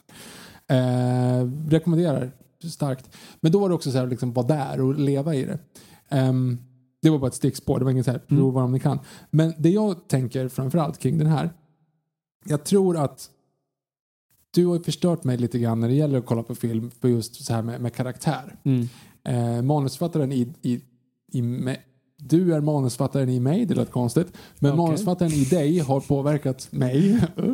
Eh, att liksom så här hela tiden, så här, men vad, vad, vad vill de här karaktärerna? Varför bryr jag mig om den här karaktären? Varför ska jag följa den här karaktären? Eh, och jag tycker att Don är ju egentligen, han är ju bara en karaktärs typ. Eller liksom, han är en, en, en, inte en arketyp, men han är, han är någonting som, som det ska centreras kring. Men såklart är ju huvudpersonen Michael. Michael. Mm. Och Michael har egentligen också så här, alltså du vet hela tiden vad han vill, trots att det aldrig hamras in i huvudet på dig. För jag, när jag satt och tänkte på, när jag satt och tittade på den så tänkte jag så här, men vänta, va- varför, varför får jag inte den här bilden? Varför får jag inte den här närbilden när han reagerar? Eller varför får jag inte den här, när han säger liksom så här, glöm mig, det är bättre att du glömmer mig. Alltså du vet, när han drar ifrån Diane Kruger, tänkte jag säga, um, Diane Keaton, ehm, så får du ju aldrig riktigt någonting förklarat utan du, han bara gör det. Liksom. Och han gifter sig med någon annan och man tänker hela tiden, så vänta lite här nu, gör han det här nu för att han bara vill porka eller bara, nej nej nej alltså han har mål med allting. Han har liksom mål med hela familjen och han, det, det, det finns hela tiden någonting där bakom. Men det förklaras ganska dåligt. Alltså, det, det, är så här, Nej, det förklaras skitbra men det förklaras inte lika tydligt som det gör i moderna filmer. Vilket Gud, ja. gör att man så här, jag förstod det men jag förstod inte hur jag förstod det. Nej, det, det är en väldigt bra poäng. Och, och det tycker jag verkar vi kan prata om Michael. För det, för det reagerar på nu också, vilken udda karaktär det är. För att det är en karaktär som presenteras som att han är glad och rätt så här öppen och han pratar, alltså första scenen med Keatons karaktär så, så berättar ni allt i stort sett. Ja, men där är Clemenza, han gjorde det här och eh, min far hotade med att antingen kommer det vara snubbens hjärna eller signatur på pappret. Vet, bara drar alla de här grejerna. Ja. Eh, och vi ser dem så här skratta och gulla med varandra när de kommer ut från köpcentret och sånt där. Och sen händer någonting. Och så blir han svart i ögonen. liksom. Det, det är som weird vänner. Från att han, när de ser tidningsartikeln där. Vi ser dem komma ut leendes och så här gulligull och så ser hon tidningen och han säger, och så gör han jag älskar den grejen när han tar tidningen och så liksom, they're not saying if it's alive och så gör han sån, något konstigt liksom. Ja. Han nästan knögglar pappret för att försöka, försöka bara få ut informationen. Och efter det ler han aldrig mer igen. Det är Nej. någonting som bara svartnar han igenom. stänger också ut henne ur eh, telefonkiosken. Ja, Lite, symboliskt. ja direkt, precis. liksom. Eh. och, och, och från där är det liksom därifrån i Michael det, liksom, eller den konkreta stunden när han skjuter McCluskey och Solazzo. Men det, det, det är en sån intressant vändning för det är inte karaktären vi säger, nej men jag trodde det var den här karaktären. Och sen blir han bara mörk och det går bara mörkare och mörkare och mörkare och mörkare. Och han är så, det är en sån konstig karaktär. För vad den karaktären för mig symboliserar är att han har lärt sig alla, han har tagit alla fel läxor av Vito. Han är, han är det problemet som kopplar vi pratar om, att det inte finns någon heder längre. För vad Michael alltid pratar om, och särskilt två vi kommer komma in på det, är värdet av familj och barn och liksom family och allt det där. Och han pratar mycket, men han stänger ute allt det visar han värderar. Ja, ja. Och det är en sån briljant karaktär att göra det för att hade jag som en sämre manusförfattare bara säga nej men du ska ju ha den här Sonic-karaktären som är han är, han är en bortskämd skitunge som har vuxit upp i den här familjen. Han, han har bara fått alltihop utan att förstå värdet av det. Det sätter du en sån karaktär som är lite mer öppenytlig, liksom extrovert. Men du har den här introverta personen som du ser som en ganska good guy, som uppenbart verkar fatta, och framförallt säga att han inte vill ta del av sin familj i början. Men som sen helt bara insluter sig i det och tar alla fel läxor när vi tror att han är den uppenbara tronföljaren. Men han gör bara allt, han gör bara fel på fel på fel på fel hela tiden. Och Jag tycker inte att han gör det i första filmen. Jag Nej, förstår i- vad du menar. Men, andra- att, men han gör inte det i första filmen. Jag, den här karaktären du beskriver nu är ett, ark, ett större ark. Om du bara tänker första Gudfadern. Mm. Ehm, jag förstår vad du menar med att det, liksom, det vänder från skotten. Men det är ju någonstans så här att det vänder från att han bestämmer sig att han ska skjuta. Ja. Och sen är det en downward spiral. Men det som jag tycker är intressant när han åker till Sicilien sen. Mm. Det enda han vill där är ju liksom så här, ja men jag vill, jag vill eh, bli italienare typ. ja. Han vill, liksom, han vill, typ, vill släppa det här och, liksom så, och så, så gifter han sig och då tänkte jag hela tiden det här är bara tidsfördriv. Men det är det ju inte uppenbarligen utan han försöker ju ändå ta sig in och det, liksom, det blir någon sån. Men eh, när han sen träffar när han kommer tillbaka och allting har hänt så är det så här. Jag tror ändå att egentligen den gången då du verkligen fattar, så här, fattar styrkan i hela historien. Det är ju när Diane Keaton frågar honom, typ sista scenen så här. Dödade du honom? Och man, han tar ett långt, alltså det tar, han andas in, det går långsamt och man tänker så här. Okej, han kommer nu att omfamna Gud, alltså han kommer omfamna Vito Corleones ande och på något sätt så här erkänna det här för sin familj hon får liksom, ja, jag skiter i, jag är Vito Ja, Corleones exakt. arvtagare. Liksom. Försök, kom inte, alltså, vet, det är någonting så här, han kommer skryta om det eller berätta det eller liksom Ja. bara så här, man säger nej, I swear on my children's life. ja, exakt. Och man bara så här, ah, just det. Det är Det är så det är. Det. Och Hur tolkar du repliken? När han kommer hem, för först, när han kommer hem från Sicilien Mm. eh, och då ser han verkligen ut som Michael i uh, Gudfadern 2 så frågar hon How long have you been back? Och han säger A year. Lite Mm. nonchalant. Är det sant eller ljuger han? Eh, jag tolkade det som att han hade varit tillbaka ett år. Jag, jag förstår, men för att det är konstigt, det är inte konstigt klippt, men för återigen, Mm. jag tror att det är konstigt klippt, men det är inte det. Ja, det är det. På ett sätt modernt. är Nej, det. för att det inte är modernt klippt. Nej, precis. inte- ja. Vi förstår inte Det hade stått liksom annars. Ehm, nej, men jag tolkar det som att han har varit hemma ett år, Mm. men skiter i henne. Liksom. Ja, i och för sig. För båda tolkningar egentligen säger samma sak. Eh, också vi bara på, på tidsaspekten. Filmen utspelar sig under 10 år, by the way. Ja, jag vet. 45 och 55. Eh, jag ser det som att han ljuger. Mhm. För att bara så här markera för henne. Alltså jag bryr mig inte egentligen. Mm. Men vill du liksom, vi kan om du vill. Mm. Men jag är liksom, jag bryr mig inte. Nej, jag tolkar Det det som att han har varit hemma ett år men inte haft liksom, slä, tid, citationstecken, att besöka henne. Ehm, men den sista scenen, jag tänkte bara att det, var, det, var så här, för det, det är någonting som går emot förväntningarna Mm. men som blir ännu mer kraftfullt än att säga att han har gjort det. Ja. Alltså jag tycker bara att det var en, en, en Ja, men det, det är som bra setup för uppföljaren och, och, bra, och på något sätt också signalerar det här är en man som pratar om heder men har ingen heder. Ännu en gång. Han svär på sina barns liv. Du gör inte det. Nej, alltså du, du Ja. gör inte det. och det gör framförallt inte en, liksom en maffiamedlem och en sicilian. Alltså familjen är alltid det Corleone har pratat om. Liksom, A man isn't a man if he doesn't spend time with his family. Det är Mm. liksom allt han säger. Och han säger det att det ofta, you spend time with the family, Precis. that's good. Exakt, det är allt för honom.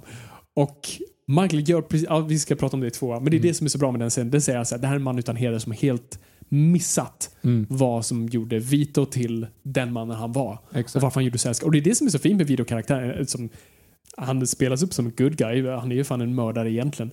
Men liksom, han, han, han väl sen dö, han lever det exakta livet han ville och får dö liksom, med sitt barnbarn i stort sett hemskt men han, liksom, han får han får, får sitt lyckliga slut på ett konstigt sätt. Och han levde hederligt. Nu gör jag.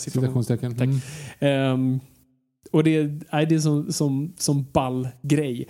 Och, och det är också just det här att det, är, det här är Michaels story. Det är, så- alltså, du har på posten på framsidan, det, det är Marlon Brando. Han är, jag vet jag för mig att Pacino bojkottade Oscar va? Han, ja, exakt. För det kan vi ju komma in på då hur liksom efterspelet blev. Den blev ju väldigt hyllad och blev Oscarsnominerad. Marlon Brando blev Oscarsnominerad och vann huvudroll. Ja. Och Pacino blev nominerad som biroll. Biroll. Men blev så förbannad så att han inte dök upp på Oscars. För han tyckte att han var huvudrollen. Vilket är sant. Alltså på ett sätt. Men- det är också så här, men lilla gubben. Alltså, nummer ett, ingen vet vem du är. Ja.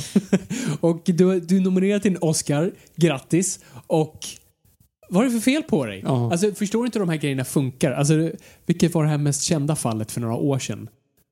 Kommer du ihåg det? För det var Mark Comer som sa att Matt Damon borde i så fall bli nominerad för bästa kvinnliga biroll. Eh, fan vilken film var det inför? Det var en jättekonstig det var en Golden Globe-grej då någon uppenbar huvudroll fick en biroll bara för att den skulle kunna få vara nominerad i komedi när det uppenbart var en drama. Du vet alla de där grejerna. Okej. Det är så Oscar och Golden Globes funkar liksom.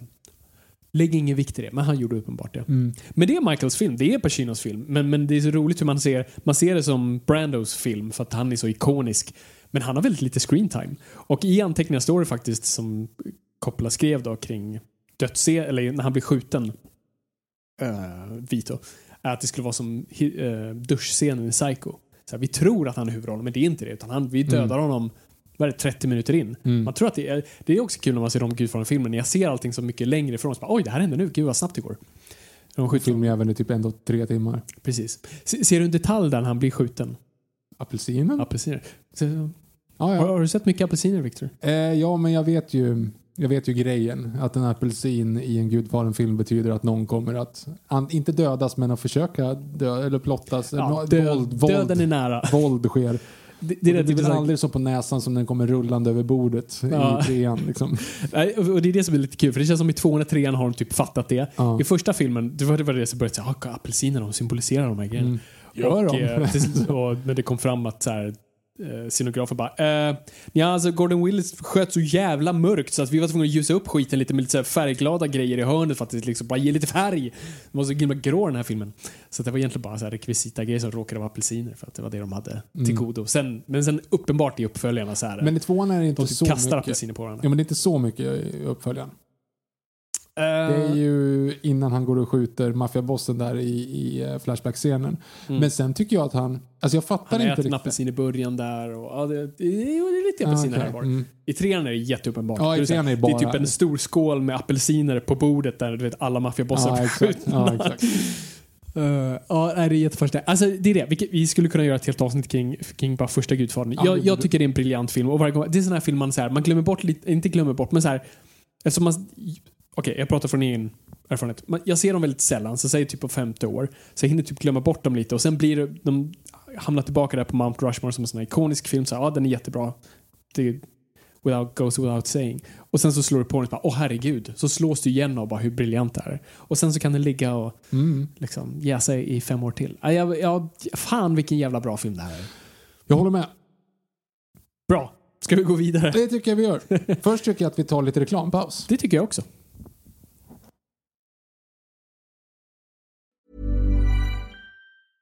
Cool fact a crocodile can't stick out its tongue. Also, you can get health insurance for a month or just under a year in some states. United Healthcare short term insurance plans, underwritten by Golden Rule Insurance Company, offer flexible, budget friendly coverage for you. Learn more at uh1.com. Many of us have those stubborn pounds that seem impossible to lose, no matter how good we eat or how hard we work out. My solution is PlushCare.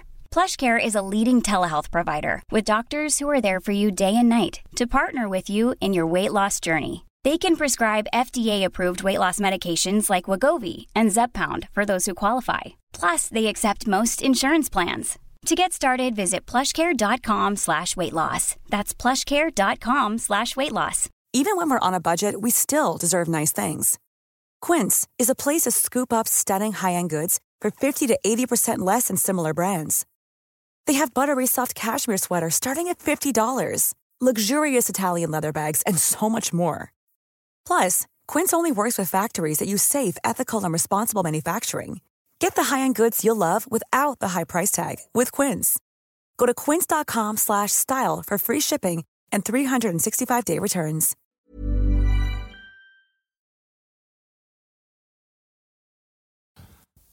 På tal om Simpsons tänkte jag säga. Eh, Simpsons har ju massa referenser. En av eh, referenserna jag tänker mest på dock när jag tänker Gudfadern är ju, kommer du ihåg Family Guy-avsnittet när de har inbrott? Eh, är det då de besöker en Don som så här, river ost istället för att klappa en katt? Nej. Nej, nej okej, men de, eh, de tror att de ska dö. Eh, vatten, det är ett vattenfyllt rum. Och, så här, och de, så här, de ska erkänna sina brister. Liksom. Mm. Och alla erkänner ja, men, olika saker. Och så säger Peter Griffin då liksom. Swear to God, I didn't like the Godfather. Och, och alla blir skitarga. liksom, och så här, men den är briljant! Det är ju världens bästa skådespelare. Så här, ja, didn't, didn't care for it, didn't care for it. Alltså, och det är liksom, folk blir skitförbannade på det. Ehm, jag skulle säga att Jag tänkte säga, var är du på väg Viktor? jag är på väg till att uh, Gudfadern 2 är lite överskattad. Fabian, go! Nej, men så här, det är en intressant grej. Jag är inte lika förtjust i Gudfadern del, eh, del två som, som säkert många andra. Alltså, man har ju vuxit upp i en värld, och den har jag sett betydligt mindre. Så det var också, nu när jag såg om den här så var det verkligen som att så här, just det, jag kommer inte ens ihåg den här filmen. Eh, den här är ju på något vis, man pratar ju om den här som man pratar om Dark Knight nästan. Så här, nej, men den alltså, det är en, det är en argumentation om att är det första eller andra bättre? Och de är liksom nästan ja, men utbytbara. Alltså de är, och det är lite så kopplat till det. Lite som, jag älskar i, i Sopranos pratar de bara, de säger aldrig Gudfadern, de säger så här in one. Och, så, och sen in two. De pratar bara om Gudfadern för- i liksom form av nummer. Och alla fattar. Ehm, så den här har, ju, har man ju liksom fått in i, alltså, men det, här är, det här är Dark Knight. Det här är, den är antingen lika bra eller bättre. Men vi går i händelserna i förväg. För vad hände efter premiären? Just det, bra. Men, eh, som sagt, super box office hit, alla Oscars. Ja men du vet, det var, det var liksom walking on clouds. Så, Katrina and the New Waves. Fast Ja, Sunshine. Fortsätt. ja okej. Ehm, jag är så förvirrad. Så, studion var ju så här, fan det här är ju, vi måste ju surfa på den här vågen. Koppla, vad säger du om att göra en uppföljare? Han bara, va? Nej. Och på, på den här tiden, du gör inte riktigt uppföljare. Alltså, du, och Det är, innan Toy Story, det är innan Toy Story 2 för er som funderar. Exakt. Ja, men så här, uppföljare var den billigare version. Du surfade på en våg och du gjorde den billigare. Du tog in en dåligare regissör och så bara, bara fick ut lite extra pengar. Så det var inte de här prestigeuppföljarna på samma sätt då. Det hade varit ett par, men, men nej, det var inte en grej. Eh, men Mario Puss hade faktiskt börjat skriva på ett manus på egen hand som var en uppföljare, typ innan den första släpptes som hette The Death of Michael Corleone. Vi kommer tillbaka till det. Och, ehm, så det var ändå i görningen om att göra liksom en uppföljare. Men Coppola sa nej, nej, nej. nej. Jag tror han sa nej sex gånger. Han var inte intresserad. Han hade precis nu gått och regisserat så här, sitt passionsprojekt The Conversation. Som jag, okej, okay, i kontroversiella, när vi ändå är, pratar kontroversiella åsikter. The Conversation är bättre än Gudfadern 1 och 2. Det är, hans, det är Coppolas mästerverk. Eh, den är briljant. Om ni inte har sett The Conversation, se The Conversation. Vi är du med varandra, som Marcus Rosman säger i Ondskan. Men jag har inte sett The Conversation. Bra, då tar vi den till, till vår nästa 10-tums session. Kul! Kanske det vi borde kalla Jag tror- 10-tumsklubben. Förvirra er inte. Absolut. det är absolut sämsta sättet att se en film. liksom. Kom till oss och det var under sommaren också så det var ljust överallt. Det var fönster Ja, överallt i den lilla stugan. Du såg inte ett piss. No. Sämst ljud, sämst bild, Ja. Och, sämst tillfälle. du såg det ibland också så här, om du kunde så här, på natten, men det blev ljus tidigt, så fiskmåsarna började låta. Ja, du hade lite ångest över att du inte sov. Ja, exakt. Ja. Nej, det var jättedåligt. Eh, Conversation är som sagt, den är briljant. Och det var liksom, alltså Coppola, ska man komma ihåg, han vill inte göra de här filmerna ännu en gång. Alltså han, Gudfadern var rent av ett pengaprojekt. Som, alltså, han bara råkade göra det briljant av ett typ misstag. Alltså såklart, när han väl gjorde så ville han göra det bra. Och eh, han visste att det, allt hängde på honom och det skulle kunna leda till bättre saker. Och det var ju det det sen var. Så här, bra, jag gjorde den där sketna Gudfadern, sliskiga maffiafilmen. Nu vill jag gå och göra mina grejer. Så han skulle göra The Conversation som är lite mer arthouse-aktig, som är lite mer som... Han älskade europeisk film, han ville göra som européerna gjorde. Så han gjorde en sån film. Och Waving his novel vag down the street. Nej, exakt. Ja, Eh, och det gör han i Conversation, fast på ett bra sätt. Ehm, så studion kom och knackade igen, men vill du inte göra uppföljare? Han bara, fan nej, va? va? Till den här? Va, vad finns det mer att säga? Liksom, jag berättade storyn. Du hade, jag håller med. du Alltså, hade ja, ja. pappan och du hade sonen som så här fördärvas liksom, av, av makten och, och kan inte hantera det. Vad fin- mer finns det att säga? och de frågar omkring, Coppola säger så "Ja, men kanske Martin Scorsese kan göra det och de flörtar med den idén men det blir inte av. Men till slut så bara liksom slänger de en stor fucking paycheck på bordet på Coppola bara så här, kom igen. Och han bara hmm, jag får i och för sig så här, full kreativ kontroll. Jag, har, jag får leka med de finaste leksakerna. Och jag kan göra något intressant. För, för en, ett frö hade börjat så i hans huvud av att han ville ett så här passionsprojekt han hade. Han ville berätta en story om en far och en son. Och vi följer dem när de är lika gamla i parallella stories. Och så, hmm, det vore i och för sig rätt intressant. För det är ju det jag ville berätta med den här första filmen. Det är liksom fadern och sönerna. Och det kan jag ju faktiskt applicera. Hmm, och det är en bra paycheck. Så han och Puzo skriver även det här manuset tillsammans och eh, Coppola är ju betydligt mer intresserad av att just berätta den här parallella storyn. Och det, där, det tycker jag är rätt intressant. Det kan vi komma in på just att det känns som det är, typ, det är ganska många filmer inklumpade, inklumpade i den här filmen. Mm. Ehm, och man tänker att nu är det ju bara liksom easy weasy lemon squeezy än en gång. Men, det eh, uttrycket fortfarande. nu, nu är alla divor istället. Så nu att få tillbaka alla stjärnor blir ju istället jättesvårt för alla eftertraktade och är iväg på sina egna grejer. Alla ska ha jättemycket betalt. Och alla ska ha sina jävla åsikter hela tiden. Och det är också så här, eh, barn, ska ni komma ihåg att det här är ju innan man skrev liksom eight picture deals med skådisarna. Eh, ja, Alltså du skrev aldrig att det är upp, eventuella uppföljare som måste komma tillbaka. Alltså, precis. Och då kan vi redan bestämma en summa som du... Så här, oavsett hur bra hit den här filmen är så måste den ändå... Vi kommer lägga på så här mycket på din nästa film i så fall. Läs Mumien. Mm. Vänta, Mumien? Ja, Tom Cruise. Ja, ja, ja. Jag tror du menar alltså, Nej, Brendan Fraser. bara Nej, så här, nej, Vänta, vad? Nej men så här, Tom? Cruise skrev väl också en deal att han var tvungen att göra en massa Mumien eftersom den kommer bli en hit. Men det blev inte det. Så det kan gå Nope. så också. Det kan gå så också. Just det, vi glömde berätta det att Marlon Brando blev ju, vann ju, Oscar. men eh, gick inte upp. Utan han Nej, skickade... Eh, Little Feather. Exakt. Ehm, jag kommer inte ihåg, hon har ett förnamn som jag nu Som glömmer. jag inte heller kommer ihåg just nu. Men ja, precis. Det är också så här, ikoniska saker som man tar för, för givet. Mhm. Som nu är så här, vi kanske borde bara snudda på det. Okej, så det, för, för ni som inte vet, så Marlon Brando nominerad i bästa huvudroll, vinner Oscar. Närvarar inte på galan, liksom Al Pacino, men skickar istället, istället upp en ung eh, flicka eh, som var då u, u, ja, urbefolkning. Och, eh, Inte uberfolkning, Nej. utan urbefolkning. urbefolkning, Mm. amerikansk urbefolkning eh, som heter Little Feather och eh, hon går upp på scenen och ska hålla ett tal som också är här, Han, han har typ gett henne en bok, eller typ ett jättelångt manus att läsa upp och hon ser att jag har 60 sekunder på mig. Så hon säger till mig så här, I got a longer speech for you but I can't say it here. Och så pratar hon om i stort sett hur Hollywood och USA har behandlat urbefolkningen i, i USA genom historien. Dåligt. Ja, alltså att hon har i, i Hollywoodfilmer så har hon porträtterats väldigt dåligt. Ja. Säger då alltså en snubbe som lajvat italienare och, och få alla att tro att, att eh, American Italians egentligen bara mördar folk och går omkring och take the, eh, leave the gun, take the cannoli. Ja, Ja, ja. men jättebra att du påpekade Brando. Tack. Exakt. Nej, men det, eh, absurd grej. Eh, och- jag, jag, vet jag, alltså det är ganska kul hur många så här rykten man hör med Gudfadern. Dels att han hade bomull i kinderna. Det hade han inte bara på provfilmningen. Han hade faktiskt proteser. Eh, jag har också hört att hon inte var av urbefolkningen. Det var hon säkert. Det var hon säkert, men det, för, för det blev eh, en... Hon var skådis själv Mm. och hade liksom troligtvis inte fått så mycket roller och de verkligen... Hon hade poserat i, i Playboy så pressen bara gav sig på henne efteråt och bara typ förstörde hennes liv. Eh, ganska hemskt. Men eh, ja, nej, men så han, han, närvar, han tar inte ens emot den Oscar. Det är det, han nekar den Oscar. Så jag vet inte ens vad den är någonstans. Om man sen får... Det är någon Oscar jag vet att han hade sen som dörrstopp. Eh, om det var den han vann för On the Waterfront eller om det var Gud var Oscar. Vet ej. Men var så att man ska bara ge alltså det var inte så att jag raljerade över det utan det är klart att det, det stämmer ju. Ja, ja, det är absolut. klart att native americans har porträtterats för jävligt i Hollywood. Ehm, och det är ju liksom en, en, det är en bra grej att göra. Men det är också väldigt intressant för att ingen av skådisarna i Gudfadern-filmerna känns som att de tycker att det här var speciellt kul. All trivia man läser om det är så här, Pacino vill bara ha så inåt helvete mycket pengar. Ja. Hela, han vill bara, alltså, både i tvåan och trean vill han bara massa, massa, massa pengar. Och folk hoppar av och någon tycker att det blir liksom så här jättemånga skådespelare som får hoppa av i sista sekunden. Och det känns som att Paramount inte behandlar någon bra. Nope. Och det är bara så här. Men Pacino, som, precis som du sa, du är nybakad skådis. Du är Oscars-nominerad. Kom igen, give me a break. att det inte, du inte är huvudperson. Fine, liksom Brandon som ändå belyser någonting. Men Pacino var ju bara divig och inte död. Ja, Liksom. det är det som är så, och särskilt då när det kommer till tvåan. Eh, för Pacino dels vill ha massa betalt han vill ha, han har åsikter på manuset.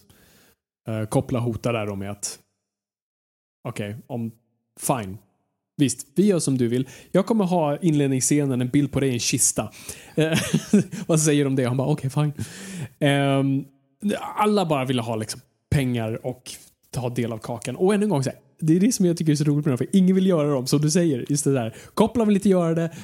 Alla vill gå och göra annat. Alla vill ha bättre saker för sig. Ingen vill göra de här sliskiga maffiafilmerna. Det är, det är bara skitgrej. Som vi nu så här, vi ser upp på de här filmerna som så här, det är uberkonst och det är, liksom, det är det bästa som finns och de bara pff, skiter på det. Men James Caan vill ju inte heller... Eller han, han är ju med i en... eh, han har ju en cameo i, eh, i tvåan. Ja, precis. Ja, James Gunn, precis. Så att han begärde exakt samma lön som han hade i första filmen. Där Och han typ är- en av huvudrollerna. Ja, liksom. exakt. Och, så och nu ska han vara med i två minuter. Ja, James Gunn. Men han begärde dem och fick dem ju. Han fick det- dem. Så de kunde inte alltså, så här, Vi behöver Sonny och han bara ja. Men de behövde ju Brando också. Men han, kom han ju dök inte upp den dagen. Alltså, så, nu hoppar vi fram. Så slut, slutscenen, vi ska prata om den, men eh, slutscenen är ju då en flashback till hemma om The Compound innan första filmen. Innan Michael uh, åker ut i andra världskriget. Då han, det är ju då också han breakade nyheten han, han Mm. signat upp för armén. Och eh, tanken var ju att även Brando skulle komma tillbaka som Vito och det skulle vara en scen kring det. Men den dagen bara dyker han inte upp. För att det blir någon jävla tjafs med advokater och skit. Det känns väldigt Brando. Det känns väldigt Brando. Så jävla divigt. Så att så här, på plats måste de skriva om scenen. Så kopplar bara så okej fine, vi gör så att eh, vi... eh, han är på väg hem och ni ska överraska honom på hans födelsedag. Vi gör det. Vilket funkar ganska bra. Alltså, du får nästan en känsla av, jag tycker den scenen funkar. Jag tycker ändå att så här, man får känslan av Brand utan att det är nästan så här, man visar honom inte gör, gör han nästan liksom större. Um, nej, men så, det, så, det var ju med, det var, så det var det som var problem. problem. Det fanns också problem med Coppola hade haft en affär så hans mamma var jättearg på honom och gick runt under inspelningen och så här bespottade honom och råkade en gång på någon så här jävla ljudsystem så här gråta ut om hans otrohet så alla hörde. Alltså, Alltså, om man kan sammanfatta Gudfadern 2 så här, det är en ganska smooth operation så där, men, men bara så här, relationerna emellan folk och liksom personerna, det är de som är kaoset nu.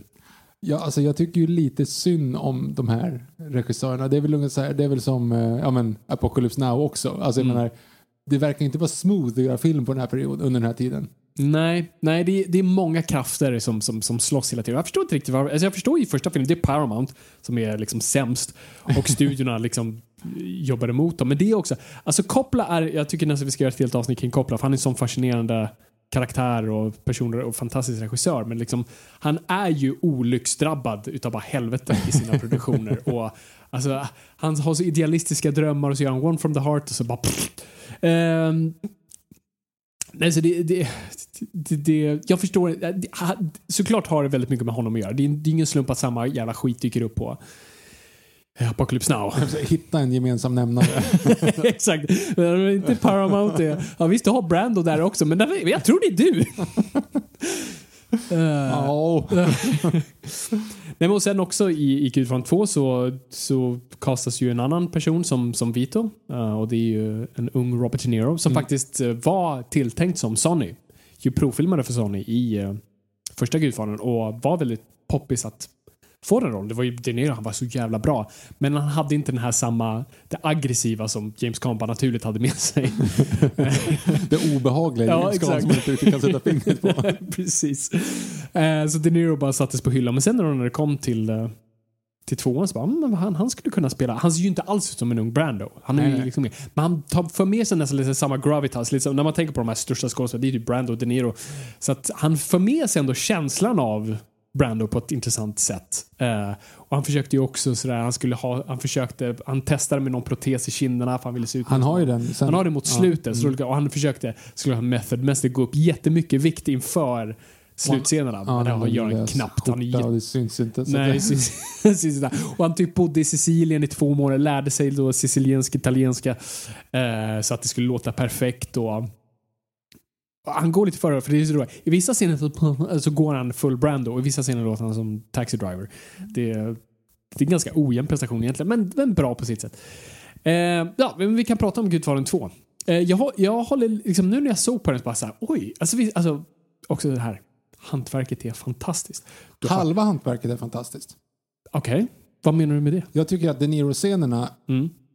så här, halva hantverket är fantastiskt men på två olika ställen. Mm. Egentligen på inget av ställena på ett av dem. Det här är jättekrångligt att säga. Okej.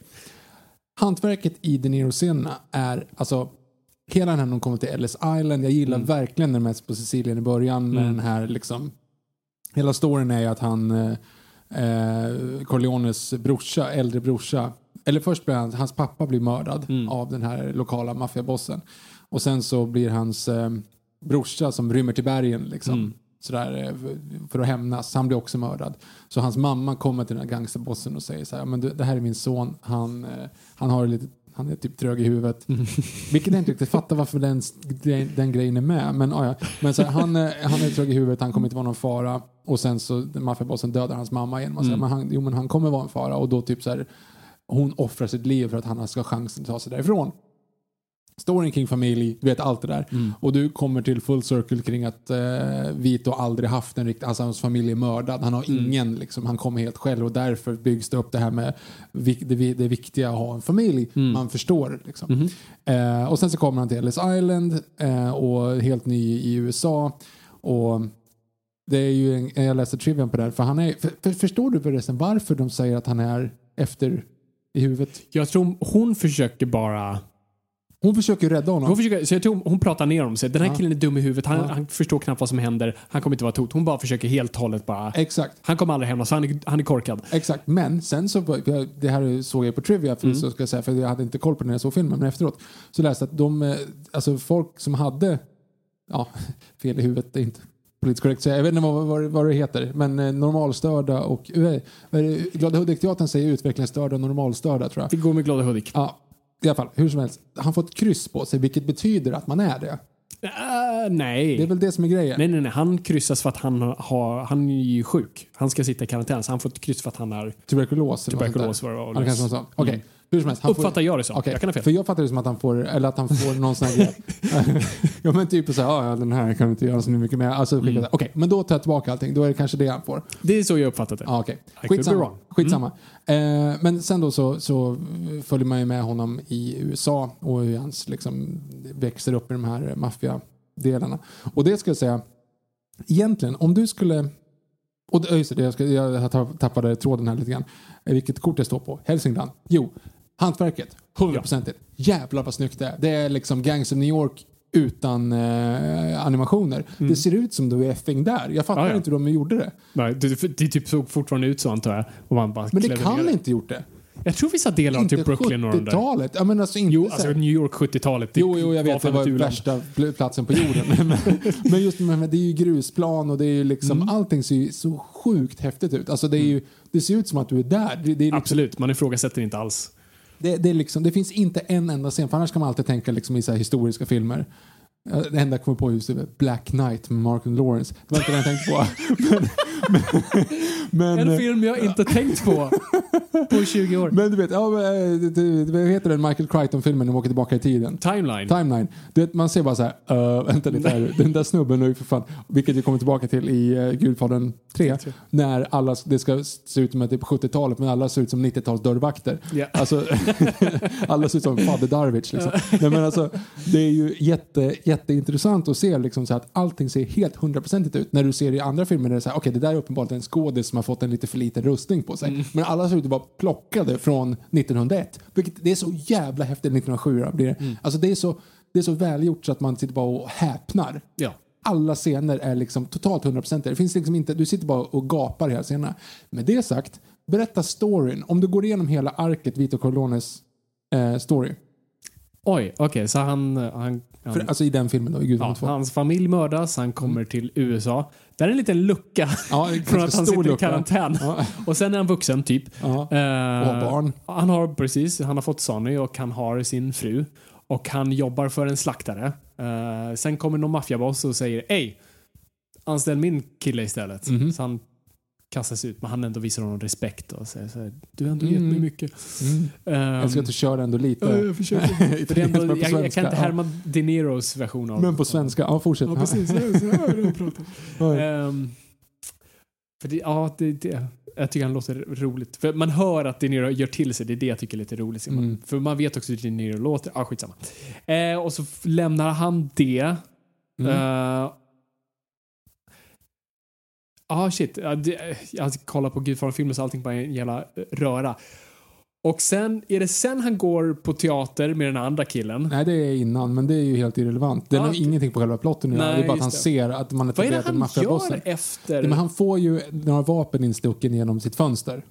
Ja, och så gömmer han dem. Och Precis. då kommer den andra och det är ju Clemenza va? Mm. Som liksom så att du ska få en matta. Han får en matta. Just och sen är det ett hopp igen och då är han underhuggare i någon sån här halv gangstergrej. Mm. Och sen så mördar han ju den maffiabossen. Vilket är en snygg scen. Men det är så här, men, men så här, okej han gör det. Och sen så är, har han byggt upp någonting igen utan att de riktigt hoppat. Och sen så åker han till Sicilien och så har det jättemycket hopp. Mm. Du har ju ingen utveckling. Du har ingen, kara- alltså, du, du ingen karaktär överhuvudtaget. Nej, nej, det är det. det är, Hela den storyn är ju, alltså, den är ju barnpoolsdjup. Alltså det händer ing, egentligen det händer ingenting i den. Nej. Det är så här, sen händer det, sen händer det, sen händer det. Du har inget, du har inget emotionell tyngd. Du, du, liksom, du fattar inte hans motiv utan det är bara så här, okej nu, whoops, nu är, den, nu är vi här, nu, har de, nu importerar de olivolja, whoops, nu, är- nu har, har han en matta och, och bryter sig in i det här. Alltså, Mm. Du har ju egentligen inget, du lär aldrig känna karaktären, du förstår inte varför han är som han är, du Mm. förstår egentligen inte hur det hände utan tidshoppen kommer vid fel platser måste jag säga. Mm. Alltså jag förstår inte liksom, det ger aldrig, jag får aldrig känslan.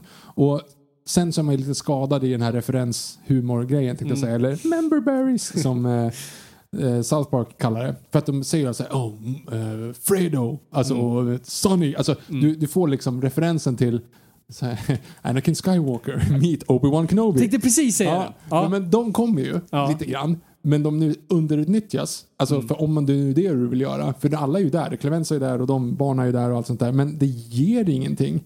Det enda egentligen som är så här nudge nudge say no more. Det är ju att han säger en offer can't refuse. Av någon anledning på engelska när han annars har pratat. Och säger det fel, vilket i och för sig är bra. I'm gonna give you don't refuse. Ja, vi, ja exakt. Men hela, han pratar sicilianska i hela filmen förutom typ den. Mm. Förutom då. Ja. Och då här, vänta, jag drog nog referens till någonting till en film som inte kommit ut om 60 år och den linen var inte ikonisk då. Vad, vad vi gör liksom? Alltså, det hade varit mer logiskt om man hade hört det. Mm. Alltså om du nu ska göra Ja, någonting det, med repliken exakt. så är det så här att, att någon Han annan det. säger det. Ja, precis. Du, sen vill jag inte säga ja, hur fick Indiana Jones sin hatt? Alltså det är inte det jag är intresserad av. Men jag menar, om du ska, för då ger det någonting mer. Det är Mm. inte så att han sa det en gång på engelska när han egentligen är sicilianare och nu så säger han det på engelska när han pratar engelska. Va? Mm. Alltså, jag tycker att storyn inte är speciellt intressant. vad det jag tänkte komma till. Det är, det är en intressant grej. Jag tänkte inte på det, för jag, jag var nog i min ikoniska grej ifrågasätt inte aspekt av det. Och, och du har en poäng där. Jag, jag, den säger någonting. Jag, jag, ska dra min teori. Men, men du har rätt. Det är väl, alltså hela den sekvensen är Anakin Skywalker med Obi-Wan Kenobi. Det är ju verkligen bara, det bygger på att du vet vem Vito var och vi får se Alltså han, blev, han var så ikonisk den karaktären. Han var så, så nu får vi bara liksom, ja men precis. Alltså det är prequel-trilogin all over again. Eller innan. Så jag köper det. Och jag håller med att parallellerna inte riktigt funkar alltid. Och det var delvis också, de hade fler hopp innan men publiken hatade det så de klippte ner det. Så det var typ 20 hopp först och de tog ner det till typ Sju, det är ju sju. ingenting. Ja. Nej, precis. Så de, ja. Och ibland funkar det. Man märker att det inte varit planerat så. Det väl, kommer väl till ett större problem av filmen. Det enda jag tänkte på, för jag satt och funderade, vad, gång, vad betyder det här? Och först ser jag inte riktigt det, utan det handlar mer om så här, okej, men det här är alltså då, så när Vito var så gammal så gjorde han det här gentemot Michael som gör det här, men det är samtidigt så här, det är svårt att dra en parallell för det är helt olika situationer. Mhm. Vito är en up and comer som liksom måste verkligen jobbas fram från ingenting och eh, Michael sitter på allting och gör massa konstiga dumma val med, med de korten han har. Så det är svårt att dra den parallellen. Det enda jag satt och tänkte på, för jag, alltså, jag gillar ju Vito-karaktären från första filmen jag gillar just hans, hans syn på heder och just hur Michael går emot det. Och det jag funderade på när, när han återvände till Sicilien bara för att mörda den här mannen är att var Vito bara en lögn? Eller är det heder? Eller är det inte hederfyllt att gå och mörda sin familjs mördare? Han är ändå i USA, han kom ju dit, han blev någonting han troligtvis inte hade varit i Sicilien. Han, han har en familj, han har pengar, han har respekt, han har allting. Snarare tack vare den här, alltså, vi ska inte säga att den tack vare en mördare, men du förstår vad jag menar. Men han åker tillbaka bara för att sätta kniv i en döende gammal man som kommer dö vilken sekund, så trilla över när som helst. Är det hederfyllt? Jag vet inte. Försöker de säga att Vito, bilden av Vito är egentligen bara en lögn. Vilket i och för sig det skulle kunna, för det var ett problem som han eh, Coppola ville korrigera med den här filmen var att han såg, eller han var lite besviken på att publiken hade tagit Michael Story som en hjältesaga. Och du sa nej, nej, nej, alltså Michael Story är en tragedi. Det är, ingen, liksom, det är inget vi ska se upp till. Det här är ingenting vi ska liksom säga wow, utan det här är tragiskt. Så det är därför då tvåan är mer så här, verkligen trycka på att nej, det här är fel. Han har bara gjort dumma, konstiga saker och det, det kommer att leda till hans fördärv. Och det är väl kanske det han vill säga med Vito. Var, så här, men Vito är inte den här idealistiska personen. I slutändan är han en gangster och en mördare. Men och jag ska ju också säga det kanske att jag fattade inte riktigt den här grejen. Du vet, han säger så här, ja, men lämna det till mig. Så här, han vill ha 200 dollar. Ja, men ge mig 50 var. Ja, just det. du vet, Mm. ge mig 50 var så löser jag det. Så går han dit och säger så här, här är 100 dollar och det kommer mer sen när jag får Mm. ett jobb. Och gangsten då tycker så ah, det var kul. Mm. Och sen så går vi hit och mördar honom. Det är en jättekon... Ja, jag håller med. Det är en Så, konstig va? grej. Vad de två liksom... Varför gick de ens till dem när de skulle mörda för, jag honom? tänkte, för det var det exakt vad jag tänkte, för jag hade glömt bort det där. Den scenen är fantastisk, eller jag, säger, jag hade inte sett den uppenbarligen, för det var där jag hade uppenbarligen Mm. ett glapp. Om jag inte har sett den och förträngt det, vilket är konstigt. Men hela här handduken börjar brinna, Mm. jävligt snyggt. Men oavsett det så är det så här, men vad betyder det? För jag tänkte att det var tvärtom, att han går dit med den här hundringen. För den här gangsten vet ju om att han kom in på hans slakteri och Mm. kickade ut honom från sitt jobb. Så det var hans sätt att söka jobb Ja. och säga så här, jag har inget jobb. Mm. Och, liksom, wink, wink, och inte säga så här, du, du, fixar, du förstörde för mig, utan han liksom ge, ge, ser, upp, eh, ser möjligheterna istället. Precis. Men det är inte det han gör. Nej. Eller det han gör, men sen går han och skjuter honom. Vilket är så här, vänta, men nej, nu blev det fel. Ja. Så då förstod jag inte längre liksom, motivationen. Mm. Och Francis Ford Coppola och Mario Puzo är betydligt mycket bättre i historien än vad jag är. Så att jag känner att de har säkert någon idé bakom det, men det, liksom, det klickade aldrig riktigt med mig. Nej. Och jag måste säga att det var där jag vill ändå på något sätt att, att Vito Corleone skulle vara någon form av idealist. Vi vet att han är mördare och hemsk och allt Mm. sånt där. Men det han säger i första scenen i Gudfadern, där hela den här grejen bara, ja men hon är inte död. Mm. Alltså, du, jag kan inte göra det här, hon är inte död. Mm. Det finns ingen logik i att han mördade den gangsterbossen för att han tog hans jobb. Nej. Alltså, är du med? Det är Ja, här, absolut. om Jag, jag tror inte det är därför han gör det, bara. Jag tror inte det är i hämndaktion. Jag tror, jag tror han ser alltså, opportunism i det. Exakt, ja men exakt. Då vill han ju ändå så här. Han gör sig av med honom och Nej. kan fylla typ en lucka. Mhm. För han tror att han kan göra typ saker bättre. Mm. Eh, Det är så jag ser det. Jag ser det inte som en hämndaktion. Jag ser det Nej, verkligen men inte bara som att... eller men whatever. Men alltså, det är någonting, han mördar en person som inte har mördat någon. Eller han har väl troligen gjort det, men det, det är ingenting vi ser. Han är ju liksom svinig Mm. och tar pengar av folk och liksom går omkring och bossar och, Ja. och vit eh, hatt. Men i övrigt är det ingenting. Nej, det, det, det är en underlig... Det tänkte jag faktiskt aldrig på. Men eh, nej, precis för man, man bara köper, Det- än en gång, ikonografin av det. Bara, Ja. Yep, it Men det, works, det är I en guess. skarp överdrift från hans sida. Liksom. Ja, verkligen. Eh, jag vill bara snudda på den grejen, den scenen när han blir skjuten där. Vi kan komma in på resten av filmen. Men eh, vad Coppola var så duktig på, eller är, men alltså, han är så duktig, eh, särskilt i Gudfadern-filmerna, är, och det här, har- det här är, så här, inte min idé, det här har alla pratat om, att han, alltså Coppola gillar inte våld. Så alltså skulle våldet kännas. Jag älskar den tanken. Perfekt. Mm. Istället för att så här, vi, vi, vi gör det lite mjukare och finare. Nej, det är så du får liksom det är så man romantiserar våld. Du gör det så att det inte känns utan det ser kul ut. Eh, utan han ville få det verkligen, nej men det här ska kännas, det här ska inte vara kul. Så han gjorde alltid intressanta detaljer. Så, och också så man skulle komma ihåg det på ett sätt. Så till, till exempel då, handduken börjar brinna. Jättebra detalj. Eller liksom det här med att han vrider på lampan och sånt. Alltså det är en sån, hur uppbyggnaden den är och sen bryter ut i totalt våld. Och samma sak har du ju i, Gudfadern, första Gudfadern, alltså när han skjuter Salazzo och McCluskey. Alltså det är en liksom, grov scen som verkligen känns. Alltså det är inte bara bam, utan han skjuter Salazzo i huvudet och det blir det här som han också skriver i sin notebook, liksom mist of blood. Mm. Och sen McCluskey skjuter i halsen och sen skjuter det här i huvudet. Och jag älskar det, att han inte dör direkt utan han får någon liksom Ja, men det, det är ju för jävligt. Det, ser ju hemskt ut såklart. Exakt. Och, och, all, och när han stryp, när, han, när de dödar uh, systerns man, Mm. mm. stryper honom baksidan och han slår sönder vindrutan. Alltså alltid, kolla på Gudfadern, det är alltid en intressant detalj med morden. Även i trean med glasögonen eller skjuter Mm. upp mot spegeln. Alltså det är alltid en detalj som får att minnas det och som alltid liksom är Hemsk. hemsk. Vilket det Mm. ska vara. Ja, det är poängen. Ja, exakt. Och, och där någonstans så finns det, men oavsett det, om man så här, jag gillar inte våld, så tycker jag, kommer jag in på andra problemet. Mm. Och det är ju så här, jag har sett House of Cards, jag vet hur man, och, liksom, och Game of Thrones och Troja. Eh, alltså jag vet hur det är att följa en karaktär som inte är sympatisk. Det är inte Mm. det jag menar. Men Michael för mig i den här är så pass osympatisk och på något sätt ointressant. Eller så här, han är så pass osympatisk och orelaterbar att han blir ointressant. Mm. Ja, jag, jag förstår vad du menar. Jag är inte riktigt där, men jag köper det också. Jag tycker han, han är... Min diagnos är att den blir för mörk. Alltså jag har glömt bort hur dyster och mörk den är. Det blir så dyster och mörk så jag blir helt så här. Jag känner mig helt hjälplös. Alltså du vet, det känns som att man drabbas av någon så här sjuk depression och bara så jag kan inte ta mig ur det här. Det, det är så filmen känns. Och jag håller med att han blir nästan som en zombie i filmen. Det är poängen, så jag, Jag vet, förstår jag att han vet, gör jag det. vet. Men, men Ja. jag, jag är inte liksom, jag håller med dig att så här, too much.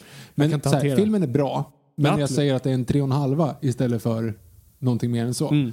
Och, och med det sagt så är det ju så här att jag, jag först, som du säger, jag förstår att det är det de är ute efter, men jag gillar det bara inte. Nej. Ja, Jag men menar det, att det är fel, jag, bara, jag gillar det inte. Nej, och då är det en smakgrej. Alltså jag köper det 100%. Jag tror jag är lite mer positiv än du men jag håller med. Jag, för mig är filmen lite halvbakad. Man märker att det liksom... Vad ska man säga? Att det, de försöker trycka in så mycket i det. Och jag, och jag ser många paralleller till Dark Knight. Alltså de drar inte så mycket, alltså, vet när han dras inför eh, riksdagsförhör eller vad man kallar det. Alltså, den, Det känns som en helt den sidoplotten bara oj nu dumpar de det här på oss och sen hela Kuba-sidoplotten och så blir det revolution. Så bara, oh my god. Och sen har jag Alfredo-grejen är ju själva i den egentliga plotten. Alltså ska du så här, hugga ner vad filmen handlar om så här, ett mordförsök ut, utsätts för Michael och hans familj och man ska få reda på vem, vem det var.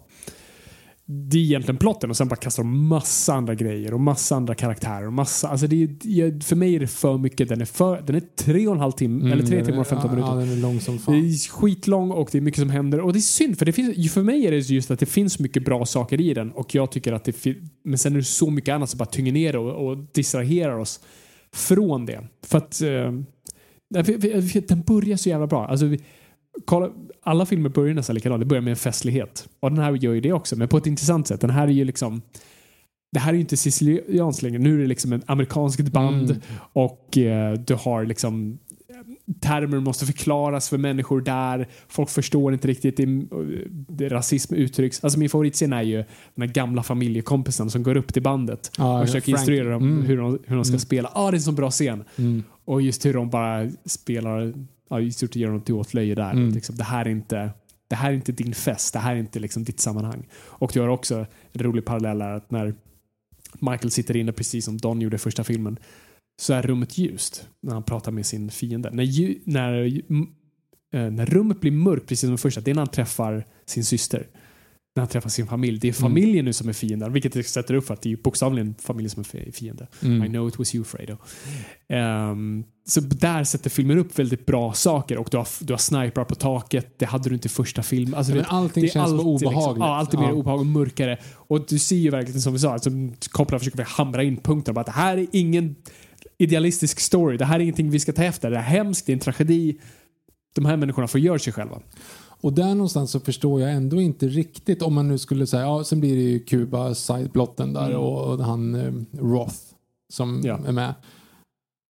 Och jag är ganska så här rent ut ointresserad. Alltså så här, jag, jag, fattar, eh, ja, jag, jag fattar ju vad de är ute efter men det är så här, det blir ju så pass många gånger en sån här Ja, så var det den och de vill egentligen det här och det, kommer, det här kommer att hända och det här kommer att hända. Det känns som att man sitter i baksätet på någon som styr men du vet inte riktigt om det stämmer för att det ändå känns inte som att de riktigt vet. Det, det blir aldrig liksom, det blir aldrig smart. Första filmen är ju ganska, alltså citationstecken smart. Sista scenen i första filmen, eller sista liksom grejen som sker i första filmen, när han är på dopet. Det är ju skitsnyggt. Alltså du vet, renounce Satan. Det, det är så liksom snyggt. För framförallt du visar karaktären som står där inför Gud och liksom svär evig trohet och, och att man är snäll och, och här är liksom håller det här lilla barnet. Och du vet, Det i parallell som korsklippts med de här morden som liksom han bara rensar. Han bara så här, han gör ingenting. som- Så här, jag menar inte att det är smart så, men det är smart utifrån perspektivet att han inte är smart. Han gör inte det här liksom på något så här, han, löser, han löser inte på något så här snyggt sätt. Nej. Utan han bara går ut och bara dödar. Ja. Alltså bara, bara plöj, ja, men mayhem på allt. Bara för att bli av med skiten istället. Liksom. Uh, delete all. Istället liksom så här, vi, vi ominstallerar programmet. Liksom. Ehm, det tycker jag är väldigt snyggt. De försöker göra samma sak i den här, Japp. men gör en likadan. Men jag är helt ointresserad. Eller det blir liksom, eller helt ointresserad, men det blir så här, okej det här har vi gjort en gång och då, en gång tidigare och då var det bättre. Nu är det så här, vi vet att han är ond och, och sinister. Och det blir liksom, i kulmen är det när han slår Diane Keaton och vet, stänger ut dörren där. Alltså när hon är och stänger dörren Ja, till precis. familjen. Igen. Ja. Mm. Då är det så här, jag förstår också, det är en eh, stjärnsyster till scenen när han... Tror du folk... Alltså, vi börjar, nu är så pass gamla så stjärnsyster är helt... Ja, men det är ju stjär, stjärnsysterscenen eller klocktornsbrodern till, eh, till när han säger då liksom så här I swear on my children's life. Ja. Det är ju samma sak. Alltså Ja. det, det är samma sak som händer för det är typ samma film motsvarande. Precis. Det är ju när han stänger dörren till Diane Keaton. Yes. Och då är det så här, okej shit, han har verkligen gått långt nu. Mm. Men, så här, men han var redan där. Ja. Jag tycker att det är helt... Alltså, och där kommer vi till en grej som vi kommer in, komma in på nästa film. Så kom ihåg att jag ska säga någonting Mm. Inför nästa film. Japp. Ja. Ehm, jag vet inte var jag var. Jag slår in mig. Alltså, det är så här, vi sa innan att det var länge sedan vi gjorde ett Norrpodd-avsnitt där man helt går in i mode. Ja. Och jag har gått in i Gudfadern-mode här. Ja, samma här. Alltså, och vi sa det innan att det är liksom, man går omkring och bara funderar kring det här. Och jag, jag mer och mer bara tänker kring att säga, men Michael, varför är den karaktären så ikonisk i, Mm. i tvåan och trean? För att vi behövde ingenting mer. Efter tvåan, alltså det där han säger, han svär på sina barns liv att han inte har mördat sin systers man. Där, där var det stopp, där var det slut, sen behövde vi inget mer. Och därför, jag kommer in på det nu, skit i det här. Jag hade kunnat skippa tvåan. Och Ja, gå direkt på direkt trean. igen. För trean är bättre, trean är en bättre uppföljare. Uh, Okej, stay with me. Men trean är en bättre Okej. som uppföljare än vad tvåan är. För tvåan säger samma sak. Tvåan säger en långt utdragen version av den sista scenen i ettan. Det, du, du, det hammar den på spiken helt där. Alltså, det är exakt det. Alltså just... Jag kan inte säga det bättre själv, som du säger. Alltså, hela tvåan är sista scenen i ettan. Det, är liksom, det bara hamnar in punkten. Och, och som sa till, det här var kopplat sätt, sätt att säga det. Men bara så här, dra ut det tre timmar. Nej, jag, jag håller med dig helt där. Jag håller med dig. Uh, jag, jag, jag, jag tycker fortfarande den här filmen liksom har aspekter som är... Oh, just det, Fredo-grejen är katalysatorn för trean på ett sätt som jag tycker liksom, det, det, det är den ultimata synden han begår. Då är det, liksom, det finns ingen väg tillbaka efter det. Liksom, du, du, du mördar familj, alltså, du går emot allting Vito stod för och allting som för en vanlig person står Men för. stod Vito för det då? Ja, det är det sen slutet gör lite så här. men var han en man av heder eller var han en... Och det, och det är väl det jag tror jag gillar lite med filmen, för det fick mig att ifrågasätta en person jag gillar. Och det är det jag gillar med de här filmerna och jag gillar med film överlag just att du kan på något vis att du ifrågasätter personer, precis som i- alltså, människor är komplexa. Nej. Uppenbart. Nej, men just att så här, jag tänker på det ofta och jag tänker på det nu och det har en koppling till en grej jag själv skriver just för att jag, tänk, jag tänker särskilt nu kring pandemin, hej framtiden. Alltså man kan se de här personerna som, ja men man har sett så här videor i, U- i USA på alltså folk som freakar ut i matbutiker för att de inte bär mask och sen säger folk bär mask och de freakar ut. Och det ser ut som din mamma eller din farbror. Eller så här. Det är uppenbart en person som är helt normal, eh, lever ett normalt liv och tror säkert älskar. Det är inte liksom en en skäggig uteliggare som ser ut att komma från en sci-fi novell och så bara utan det är en normal person. Uh, sorry, det här är en jättekonstig poäng som drar ut det. men, men förstå mig rätt, det är just att så här sådana grejer skrämmer mig. För att det är lite där Jokern-grejer, det krävs bara en dålig dag för något att verkligen bara bryta ihop och så här, totalt knäckas och bli du behöver inte vara den här personen med en tragisk bakgrund som så här, tar i det, tar i det och sen så. Det är såklart den här personen blir mördare för att misshandlade sin mamma och sen eh, liksom inte fick uttrycka sin sexualitet. Sen det liksom definierar förloppet. Nej, du kan ha en person som är helt normal som sen liksom mördar sin pojkvän i badkaret och liksom sticker upp och dumpar på sig i havet. Så här, What the fuck, var kom det ifrån? Eh, jag gillar när filmer uttrycker det, att det, finns de här personerna som just så här, jag har en bild av den här personen och det är det som är så weird med, Carl, med Vito av att så här, man här, vadå. Han är en maffiaboss, vad trodde du? Nej, jag trodde han var en bra man, han var en hederlig person, han älskade sin fru och han var hederlig. Vadå, gick han och mördade någon? Eh, ja, Eh, och jag gillar när de filmerna gör det och det är väl det jag tror, liksom, det, det är det på något sätt vad som får, ger mig, två, ger mig någonting ur tvåan är, är den aspekten av att hur, det- hur, kan, hur en mytologi av en person kan, kan på något sätt förvrängas och hur en person kan på något sätt missförstå eh, ett ideal. Du, tar, du, tar, du har lärt dig helt fel läxor och jag vet att det är det som ettan också pratar om. Men jag gillar det, det temat av att Michael aldrig... Michael tar bara Instagram-versionen av Vito. Snyggt. Eh, det, är liksom, det, det är bilderna på familj, det är bilderna av så här, som man säger, liksom, nothing's more important than your children and your family och sånt där. Men du gör ju inte det. Du skjuter din bror, du, liksom, du slår din fru och du träffar aldrig dina barn. Eh, och jag vet, sista Det är- delen gör också det är det jag säger, men, men, men jag gillar att, liksom, att, att filmen gräver lite djupare i det temat. Och jag, jag, jag, vet inte, jag får ut någonting av det och jag tycker det är snyggt och jag tycker Pacino gör ett riktigt bra jobb. Ehm, Så här, ja, det är självklart att det är en, en bra film, som sagt. Tre, tre och en halv. Men jag tycker inte att den är värd att vara liksom trea på IMDBs topp 250. det håller jag med om. Och jag, att- jag, nej, jag, och jag tycker inte de två är jämlika alls. Alltså jag skulle aldrig sätta de två så här, så "Ah, ja, men jag vet inte vilken som är bäst av den tvåan. Jag har aldrig riktigt, och som vi sa i början, jag har aldrig förstått, eller vi har aldrig förstått det argumentet riktigt, så här, att de två är utbytbara. Jag tycker ettan är briljant och står på mils avstånd från Mm. tvåan. Det gör inte tvåan till en dålig film, alls, tycker jag. Men, men jag tycker inte den alls är lika enkel och precis och där laserfokus som första. Nej, men och framförallt nu om du skulle dra den här parallellen, för jag, jag hade aldrig tänkt på det, eh, vilket är kanske dumt av mig, men jag har aldrig tänkt på liksom parallellen mellan storiesarna. Alltså, det är konstigt sagt. Men jag funderade nu på så här, jaha, men varför ser vi Vito? Jag, har liksom, jag fattar inte, är det liksom grejen att de ska vara lika gamla? För det är de ju inte. Vito är mycket yngre än vad Michael Ja. är i, hela, i alla de aspekterna. Men så här, finns det någonting, några paralleller att dra? Bara, nej. Utan du ville berätta det här om Vito men du hade inte nog manus för att fylla ut så du var tvungen att göra det här om Michael också. Alltså, det kändes inte som att det var det kändes inte som att de har med varandra att göra. Nej, jag tror, det jag tror han vill säga, för mig säger det att han gör ett litet trolleritrick här av att säga, det vi först tror är att här har vi en man som har helt liksom korrumperats av makt och vet inte vad han ska göra med det. Och så parallellt med en person som fick makt och, men behöll sin heder. Men sen ju mer storyn går så ser vi att det kanske inte var så. Och att de två kanske är den samma person i slutändan. Bara att den ena var tvungen att komma dit medan den andra var där från start. Men då är frågan, ja okej, men då är frågan om man nu ska dra den, för jag, jag menar, du, du tänker kanske att Vito Corleone är som Batman, mördar inte. Men, eh, men, men utifrån det perspektivet, Michael mördar jättemycket människor. Ja. Jättemånga och beställningsmord hej vilt och liksom Ja. mördar sin bror. Mhm. Medan Vito Corleone mördar två personer. En maffiaboss som uppenbarligen är ett svin och en Mm. till siciliansk maffiaboss som öppen, öppen, uppenbarligen är ett svin som mördar liksom Mm. oskyldiga barn och, och kvinnor. Nej, absolut. Så det är ju, där har du ju inte den parallellen heller. Nej, absolut. Det, det finns ju olika där. eh, och sin egna definition av rätt och fel antar jag. Nej, jag vet inte. Det, men vad jag gillar att vi har den här diskussionen Ja, kring den här är det. filmen och det är det det uppmuntrar. Vi hade inte det kring eh, Transformer Dark of the Moon. Så att det är ju No. bra. Jag tycker det är en bra punkt att lämna den här filmen på. Eh, den här filmen eh, blir ju också, först när den släpps, de, de gör en testvisning och eh, publiken bara no, nej, nej, nej, nej, nej, det här är värdelöst, det här är sämst. Så att studion och Coppola får panik så de klipper om den lite och det var då de minskade hoppen. Det var betydligt fler hopp tidigare. Och klippte om den lite. Och sen när de visste att den fick den lite bättre reaktion. Och sen släpptes filmen och den fick ganska dålig kritik i början. Det många som såg den, publiken gillade inte utan den typ, det tog lite tid för den att liksom få den här statusen den hade. Till slut började folk säga, nej fan jag tror den är bättre än den första. Tyckte vissa. Eller många.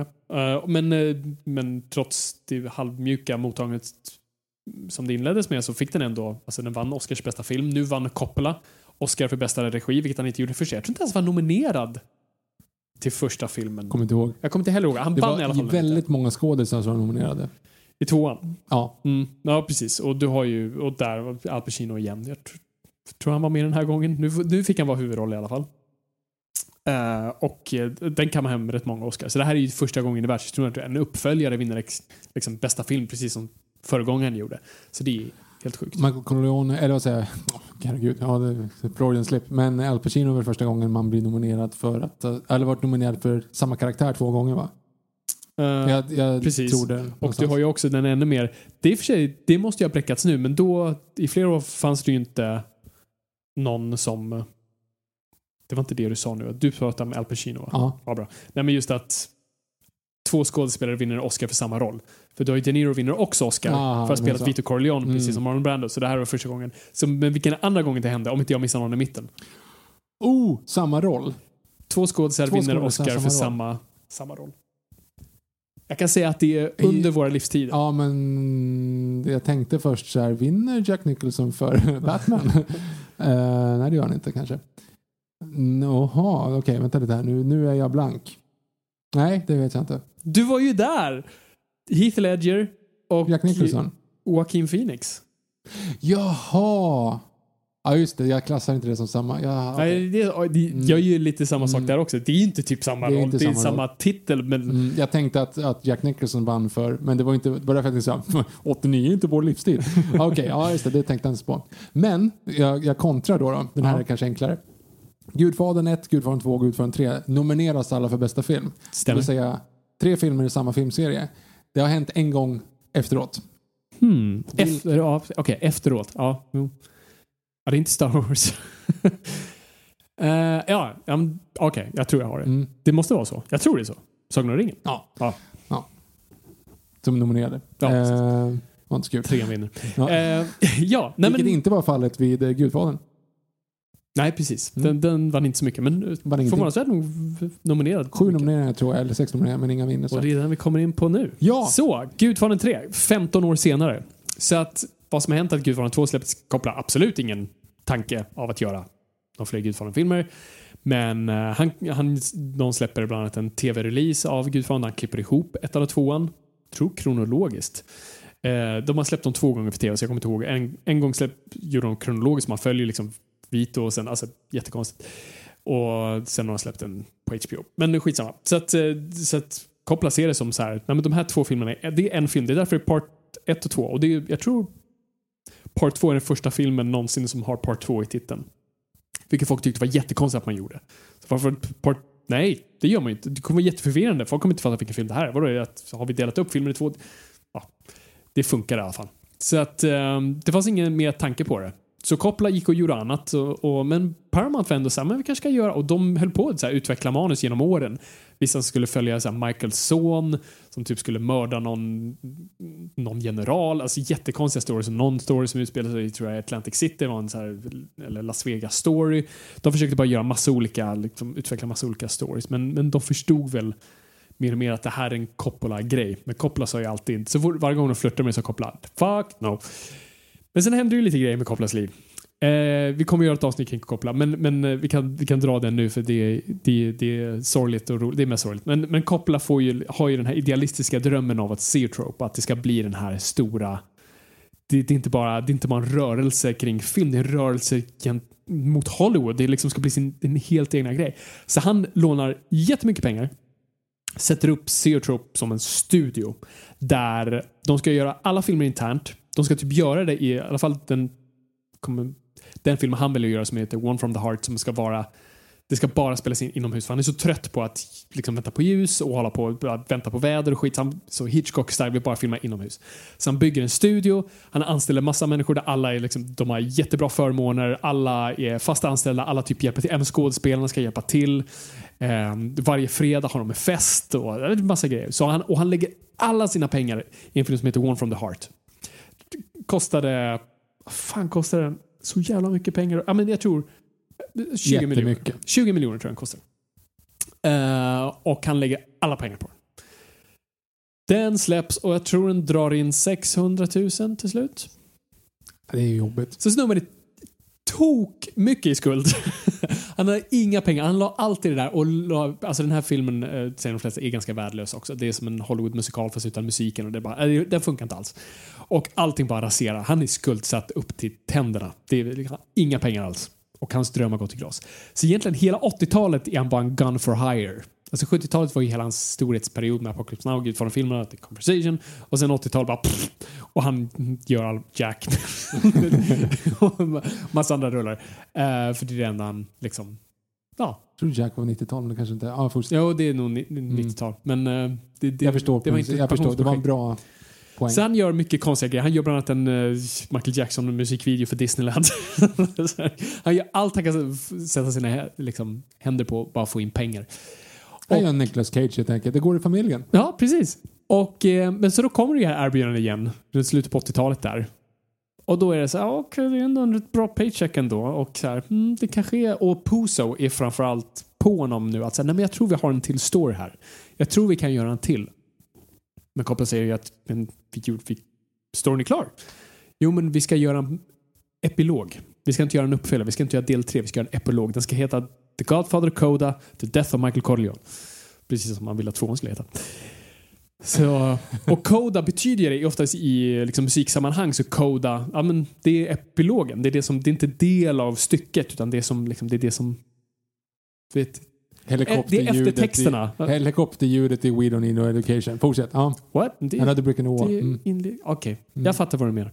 Ehm, så det är så de väljer att titta på det. Alltså, men vi, vi testar att göra den slags storyn. Förlåt Eh, att jag sa We Don't Need No Education. Det hette Erik Prytz-versionen av den. Den heter Another brick in the wall. Fortsätt. Part 2. Ja. Okej. och... ehm, så ja, eh, men ännu en gång, eh, Paramount som man då bett om är, är jävliga som vanligt. Och Coppola vill ha sex månader att skriva manus, han får sex veckor. och man säger vi, vi vill ha en julrelease. Och eh, det sätts ihop väldigt snabbt. De, eh, det är svårt att få ihop castingen för alla är ju en gång superstjärnor. Eh, folk vill ha betalt högt, bland annat stackars eh, Robert Duvall som eh, så här, de vill ha tillbaka honom och han säger absolut, vad får jag betalt?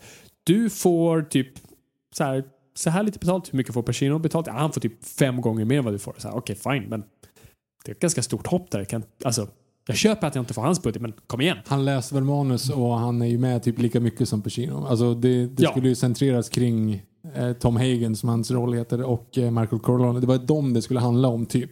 Liksom. Ja, och du ser, alltså, visst, det har de ju tagit bort lite mer men du ser den här advokatkaraktären Mm, är som- typ med överallt. Ja, men som man inte ens vet vem, vem who are you? Så, Ja, liksom. exakt. Man, man har skrivit bort Tom Hagen och så här, hans son Ja, hans son. lever men... Men han dog och Ja. han såg nu, ja, det, det, det är väldigt synd för man, det är ett väldigt stort. Och Tom Hagen är typ min favoritkaraktär i de här. Ja men Ja, det, två det är en filmer. bra, det är så här, man känner sig säker med honom. Ja, men han är, han är ju den enda mannen med heder. Alltså han är ju typ den enda som har lärt, någon, lärt sig någonting av eh, Vito. Mm. Vilket är intressant av att så här, han är inte blodsbrodern och han har hela tiden haft det på liksom, det Mm. har varit tyngden han har burit. Att han inte är en äkta son, men han är den som faktiskt har lärt sig någonting. Det är en rätt intressant grej just i form av det här succession-aspekten av liksom, saker som går i arv av att du får inte saker gratis via blod. Som då de här sönerna fått aspekter av Vito, men de förstår inte helheten. Mm. Men det gör Hagen. Hagen. För att han vet vad det är att, alltså tjänsteregering, han förstår vad ödmjukhet och heder är. Han tas in och liksom får en utbildning, får ett tak över, får mat. Det är det heder är. Och det har han fattat. Men alla andra bara pff, springer runt och kukar ur. eh, det är en intressant aspekt. Det säger, pratas inte om i trean, för han är borta. Så, och du har en karaktär i den här storyn som ska då spela eh, Michaels dotter. Och det här blir ju den hetaste rollen i stan. Alla vill ha den här rollen. Julia Roberts pratas det om. Det pratas om Winona Ryder som får rollen. Madonna. Madonna försöker få rollen men de säger "Mm, nej. eh, har ni sett Another Day? Inte än. Inte. Eh, och ja. Men eh, typ dagen innan, det är också en sån här, dagen innan de drar igång så drar sig Winona Ryder ur, jag vet inte varför. Och i panikdrag så använder de Sofia Coppola. Vi kommer komma in på henne. Eh, som då tar rollen som Michaels dotter. Och eh, alltså det... Det är inget superspännande med den här produktionen. Det är lite liksom friktion mellan Coppola och Pacino. Men Jag det, fattar inte att de alltid går tillbaka till varandra. De borde gjort slut. Men det kan ju ibland vara sån här, friktion kan vara bra. Och det tycker jag också, Coppola fungerar bäst under press. Alltså, han, alltså hans bästa filmer har ju, alltså med Gudfadern och Apocalypse Now, alltså det är uppenbart när det ska gå åt helvete går det riktigt bra. När han gör någon, någonting som funkar väldigt bra, som man älskar som One from the Heart, det är skit.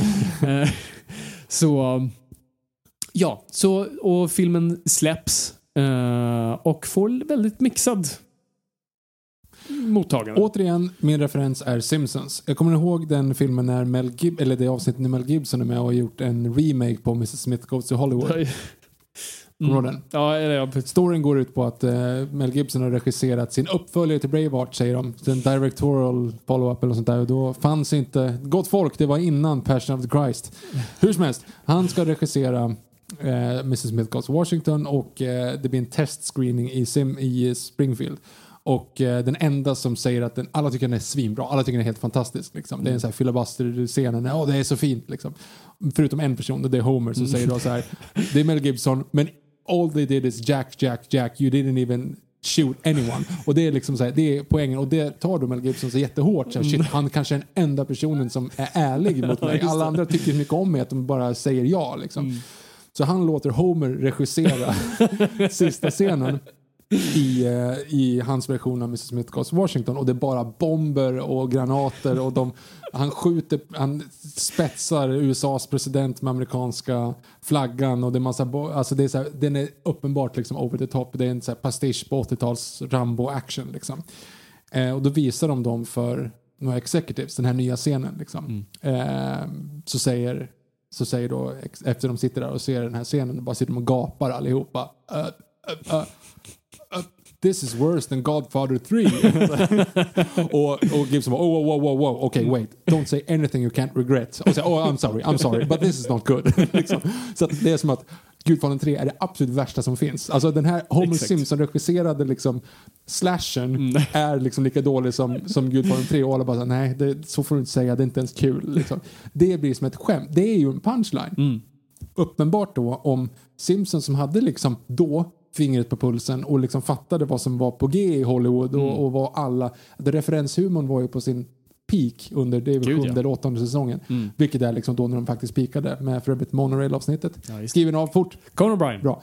Ehm, och då är det så här, okej, med andra ord, det är underförstått att Gudfadern 3 är en pissfilm. Det är grejen.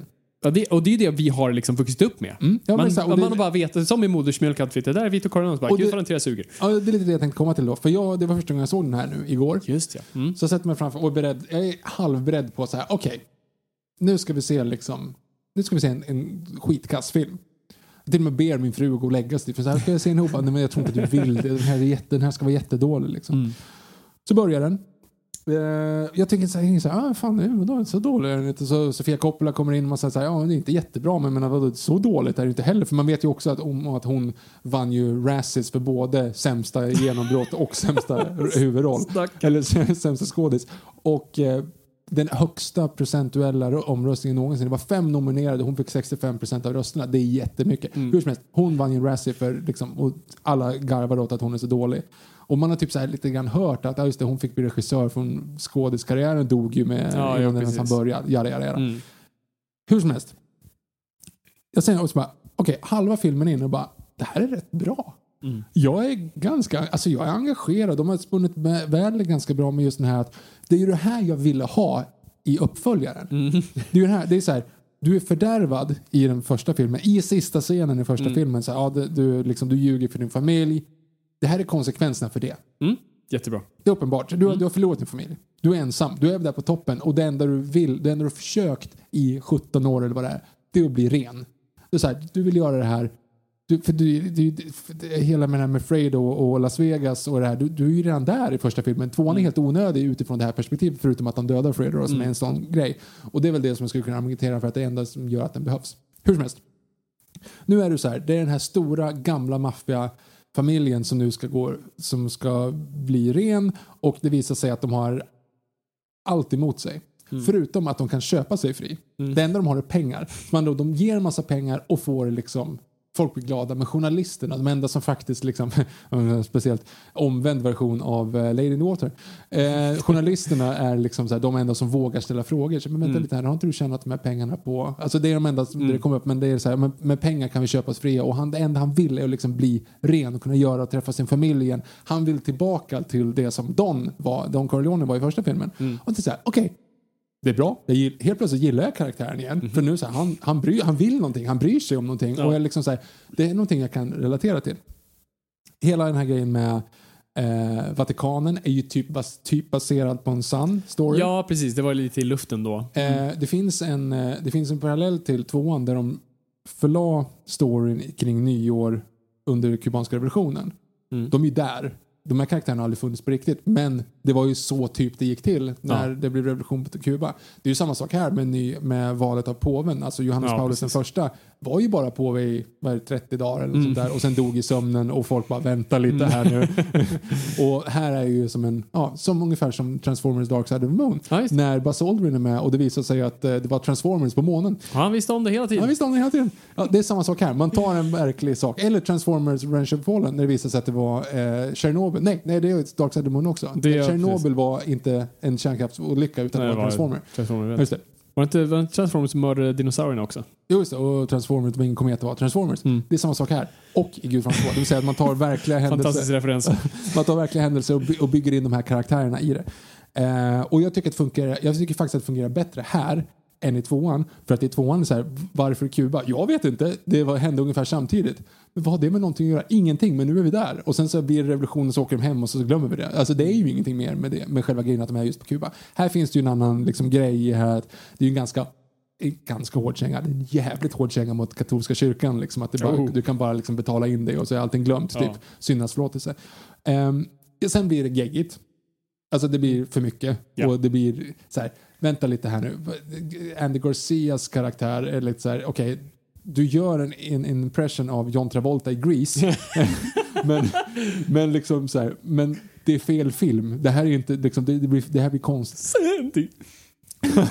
men man gör ju det nu. Hela den första scenen när han ska förklara, alltså hans introduktionsscen och även den scenen när han träffar Corleone, äh, Michael första gången är verkligen så här, ah, men kom igen, du är liksom nu är, du är i en, du är en musikal, du, du är fel liksom. Kommer fram, i alla steg han tar, han går framåt mot sina fiender och knäpper han samtidigt med fingret så i takt. Alltså, What you doing over here? Alltså, over here, over here. Nej, men... eh, så- Inte heller italienare by the way. Nej, nej, och heter ju Garcia. Hur som helst, det är liksom där är också en jävla konstig grej och hela den grejen att han ska vara kär i sin kusin och jag tänkte bara så här, Ja, vänta lite här nu. Du är kär i- Sofia Coppola och uppenbarligen, han är ju också produkten mot eh, Porken mot dörren i första filmen, skulle Japp. det visa sig vara, eh, som Sony har. Och då när det visar sig då sen alltså att, vänta lite här nu, de här två är kära varandra och jag tänkte bara så här, är jag dum i huvudet men borde inte de här två vara kusiner? Alltså, Och varför säger ingen något? Ja, ja, Det är men- mest det jag är ju mest frustrerad för jag satt också där och bara så här.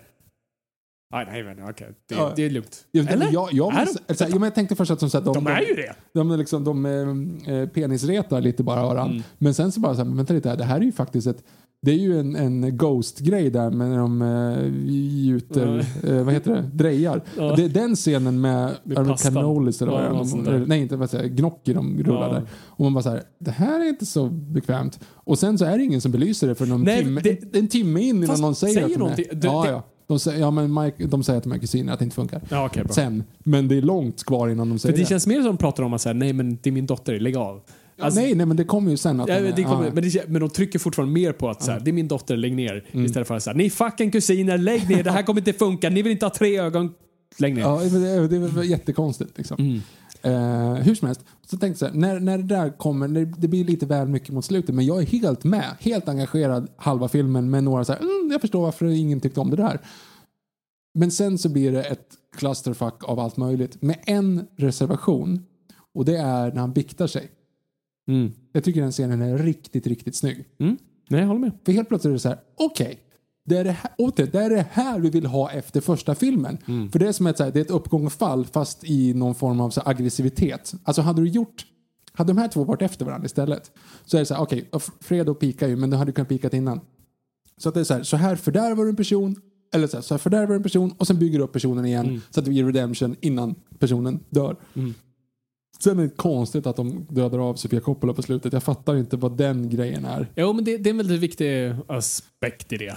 Eh, vi kan komma in på det. Men eh, nej, alltså jag håller helt med dig. I, i stort sett allting det du säger, tror jag. Jag tror inte jag... Uh, jag tycker Bra också om den här filmen. Ja, precis. Tack. Kul att vara nördig. Jag vet inte hur vi avslutar. så här. Nej, men jag håller helt med dig. Jag, jag, eller inte så här. Jag tycker fortfarande om två, jag tycker den, har, den är värd sin plats och sånt där. Men jag hatar inte alls trean lika mycket som andra. Och jag tror den kommer åldras, den har åldrats bättre nu och jag tror folk har tittat på den en extra gång. Problemet när den här kom, det här var inte filmen folk ville ha. Folk ville ha liksom det gamla igen. De ville ha, alltså de har ju åldrat upp casten också. Så, så här, Pacino såg inte alls ut som de ville att han ville ha den här liksom, svarta manen till hår han hade. hon ville inte ha den här svaga diabetiken. Och Du ville ha alla de här... Alltså, du hade ju haft... Gudfadern-luckan hade ju fyllts av andra filmer så länge du har haft Casino, du hade haft Goodfellas, du hade haft alltså, massa andra maffiarullar som gjort lite det där som folk ville ha. Och så kommer den här filmen som ska, är fucking Gudfadern och bara nej, vi tänker inte göra det där igen. Vi, vi berättar en story. Och det här är inte ens liksom ettan och tvåan är sin story och det här är, det här är epilogen än en gång. Det här är liksom resultatet av det. Och folk bara, nej jag vill inte ha det där. Jag vill ha coola mord och så balla catchy repliker. Fin- Finns några sådana också? Just as I thought I was out, they pulled me back in. Ikonisk. Ehm, men, eh, men det var inte det folk ville ha. Och jag tror nu när man just, lite som vi pratade om i, för, i förra avsnittet, det här när du har perspektiv på saker, när, när filmen inte kommer, när som sagt, Om du är ett Super Bond-fan och bara nu vill jag ha en ny Bond-film och så får du Moonraker och bara what the fuck? Men när du inte uppvuxen med det och bara har så här, här har du en tallrik av Bond-filmer. Ja, här är den han åker upp i rymden, här är den när han dyker, här är den när han åker skidor, här är den här. Då får du lite så här, mm, jag vill ha den här. Och som vi pratade om i Star Wars-filmen av att så här, de, eh, de personerna i din släkt, de, de yngre som just så här, men de har en tallrik av Star Wars. Så här, men jag föredrar den här. Bara, Hur kan du det? Det där var ju det värsta som någonsin släppts. Jag Mest dig, för du- Ja, Exakt. Och eh, lite samma sak i det här. Av att, så här, det här var, det hade gått 15 år, 16 år. Eh, ny Gudfadern-film, Coppola är tillbaka, Puzo är tillbaka, Pacino är tillbaka, alla är tillbaka. Bara fuck, vi ska ha coola grejer nu. Och så bara, jaha, va? Det här? Men jag vill inte se honom så här. Jag, alltså, jag har Michael Corleone som poster. Liksom, han är badass. Han är den här riktigt coola. Massa hiphop-album har skrivits om honom. Han är liksom kungen. Vi har modellerat vårt liv efter honom. Och nu är han liksom en svag diabetiker som liksom inte vill vara. Mm. Liksom, det är lite den här som vi pratar här, superhjältar som inte vill vara superhjältar. Ehm, där funkar det. Här funkar det, för det är uppenbart att det är som personlighet. Liksom. Alla de valen han har gjort. Nu liksom, nu liksom, the chickens come, comes home to roost. Och det gör den här filmen. Och eh, så jag, ja, det var bara ett långt utlägg för att säga, jag håller med dig. Eh, det är en film som håller så mycket bättre. Jag håller med, alltså, och jag älskar ju, alltså, manusförfattaren jag älskar liksom konsekvenser. Att så här, saker kommer med konsekvenser, precis som vi pratade om med Endgame versus uh, Infinity War. Och att så här, det, det intressanta är konsekvenserna, inte liksom, inte bara look at my balls. Um, och det är det jag tycker den här gör. Den just pratar om så här, nej men det är inte okej att leva ett sånt här liv. Alltså lever du ett sånt här liv så kommer liksom, det kommer komma ifatt dig och det kommer komma tillbaka hårt. Och det kommer inte vara kul. Och det är precis det den här, liksom, maffiabossar får fucking diabetes. Det är, det, egentligen, det är därför jag älskar Sopranos också. Sopranos är, som, det är en perfekt lucka, eh, gudfaren lucka, men just det här, det handlar liksom precis om det. Det handlar om generationen som föddes, eller som växte upp med gudfaren som just bara så här, nej men, så att maffiabossar kan få panikångestattacker. Det, de är mänskliga precis som alla andra. Liksom. Och de kan själva inte riktigt förstå att så här, vadå, jag är precis som alla andra. Och samma sak är det här, snubben kan fucking få diabetes. Eh, jag tycker den är jag tycker den är liksom, den har många, jag, alltså man märker att de hade sex veckor på sig. Den är lite halvbakad. Det blir väldigt mycket där med den katolska kyrkan och liksom fram och tillbaka och, det, och lite lider av samma grej som tvåan gör med att det, det är för mycket som pågår. Liksom bara, det är inte så rent. Och det, som du säger, där mot mitten där blir det sak, väldigt mycket på en och samma gång och man blir väldigt sådär bara, okej vänta, va, vem är jag? Men i stora hela, jag tycker Pacino är skitbra i den här filmen. Jag håller med. Jag skulle också säga han är typ nästan bättre här än i tvåan. För att liksom, tvåan är verkligen en not. Han gör den noten jättebra, men det är liksom, han har somnat på, på pianot. eh, på orgeln. eh, och det är en fantastisk not han har somnat på, Ja. men det är, liksom, det är fortfarande bara en not. Och här är så mycket grejer han gör. Liksom, som för han är Trappscenen. vadå, i slutet. Ja. med dottern. Ja, Ja. precis. Ja, vi, vi kan pr- prata om det. Just för min, alltså, som sagt, filmen handlar om konsekvenser.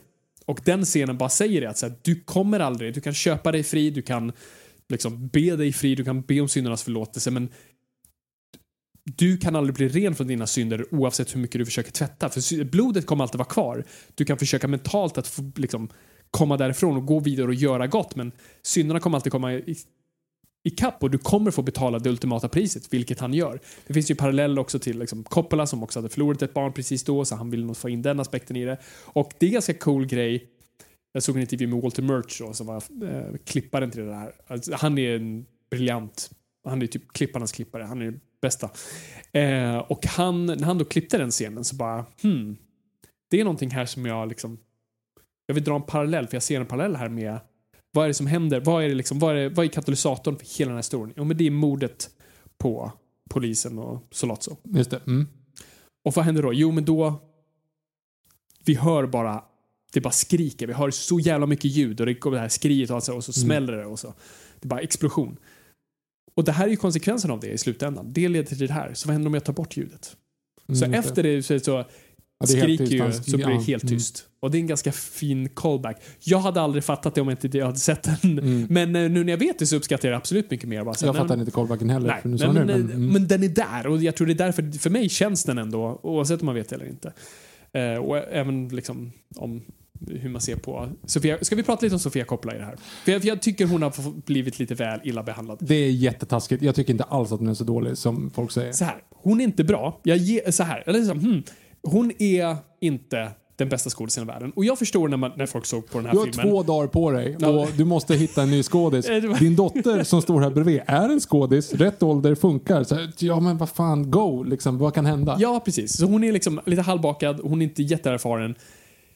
Eh, jag köper, och folk så här, folk såg ju uppenbart att här, här har de här extrema, alltså du har Al Pacino, Diane Keaton, du har liksom alla de här superskådisarna och så har du regissörens dotter. Det såg ut som nepotism, såg ut som någon som bara ville så här, kolla på henne. Eh, och folk direkt blev bara arga. Men eh, jag tycker nog att det finns någonting i att hon känns väldigt ny och skör och väldigt liksom ovetande och lite så här, det typ ingår i den karaktären så jag tycker det funkar. Nummer två, hon, det jag skulle säga att det är fel på manuset. Hon får väldigt lite att jobba med. Det är konstigt. Det är ett konstigt manus. Hon Ja. är bara skriven som så här flörtig, konstig, bara har massa så här sexiga repliker. Men jag som, fattar, inte att, jag fattar inte att hon var flörtig. Jag trodde att hon var naiv. Det- Om du säger Ja, att det är hon ju flörtig. också. För det är inte det jag, fatt, jag fattar inte att hon tar initiativet. Hon kommer typ dit för att hon är förvirrad. Nej, men alltså, så här, hon vet ju typ inte riktigt. Hon vet ju vem han är. Mm. Den här eh, Travolta. Och, och för hon kommer ju fram och berättar typ att hon var kär i honom när hon var åtta och han var 15. Ja. Liksom. Och det, jag tror att det var ett stickspår för att visa att hon var lite awkward och inte riktigt visste hur man betedde sig. Att det var det som var grejen. Liksom. Men sen att det blev en kärlekshistoria, ja vänta lite här nu, nu blev det liksom för mycket. Mm. Ehm, och sen kommer den inte från någonstans heller när hon ifrågasätter så här, om hon bara är typ ett kuttersmycke för hans fond eller vad det är. Mm.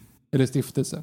Ja, det fattar jag inte riktigt heller. Nej, eh, men så, alla de där grejerna är uppe i luften. Nej, men jag håller med dig. Alltså, det, det är ju kul att du såg henne som så här att du tänker att filmen, att filmen inte ens köper hennes sexiga utan hon är naiv. Hon Ja, är liksom, ja, exakt. Precis, och det tror jag kanske är nog rätt sätt att läsa det på. Och jag, jag tror det finns någon sanning i det, men jag tror också Samtidigt kan man läsa som det att hon bara väldigt awkward försöker vara sexig när det inte funkar.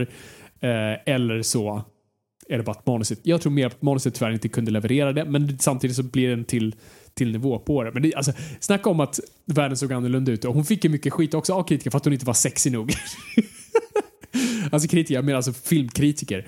Alltså, det, här var inte, liksom, det här var inte en sexig roll. Eh, men nej, jag tycker hon fick oförtjänt mycket skit. Eh, jag tycker skulden ligger absolut inte på henne.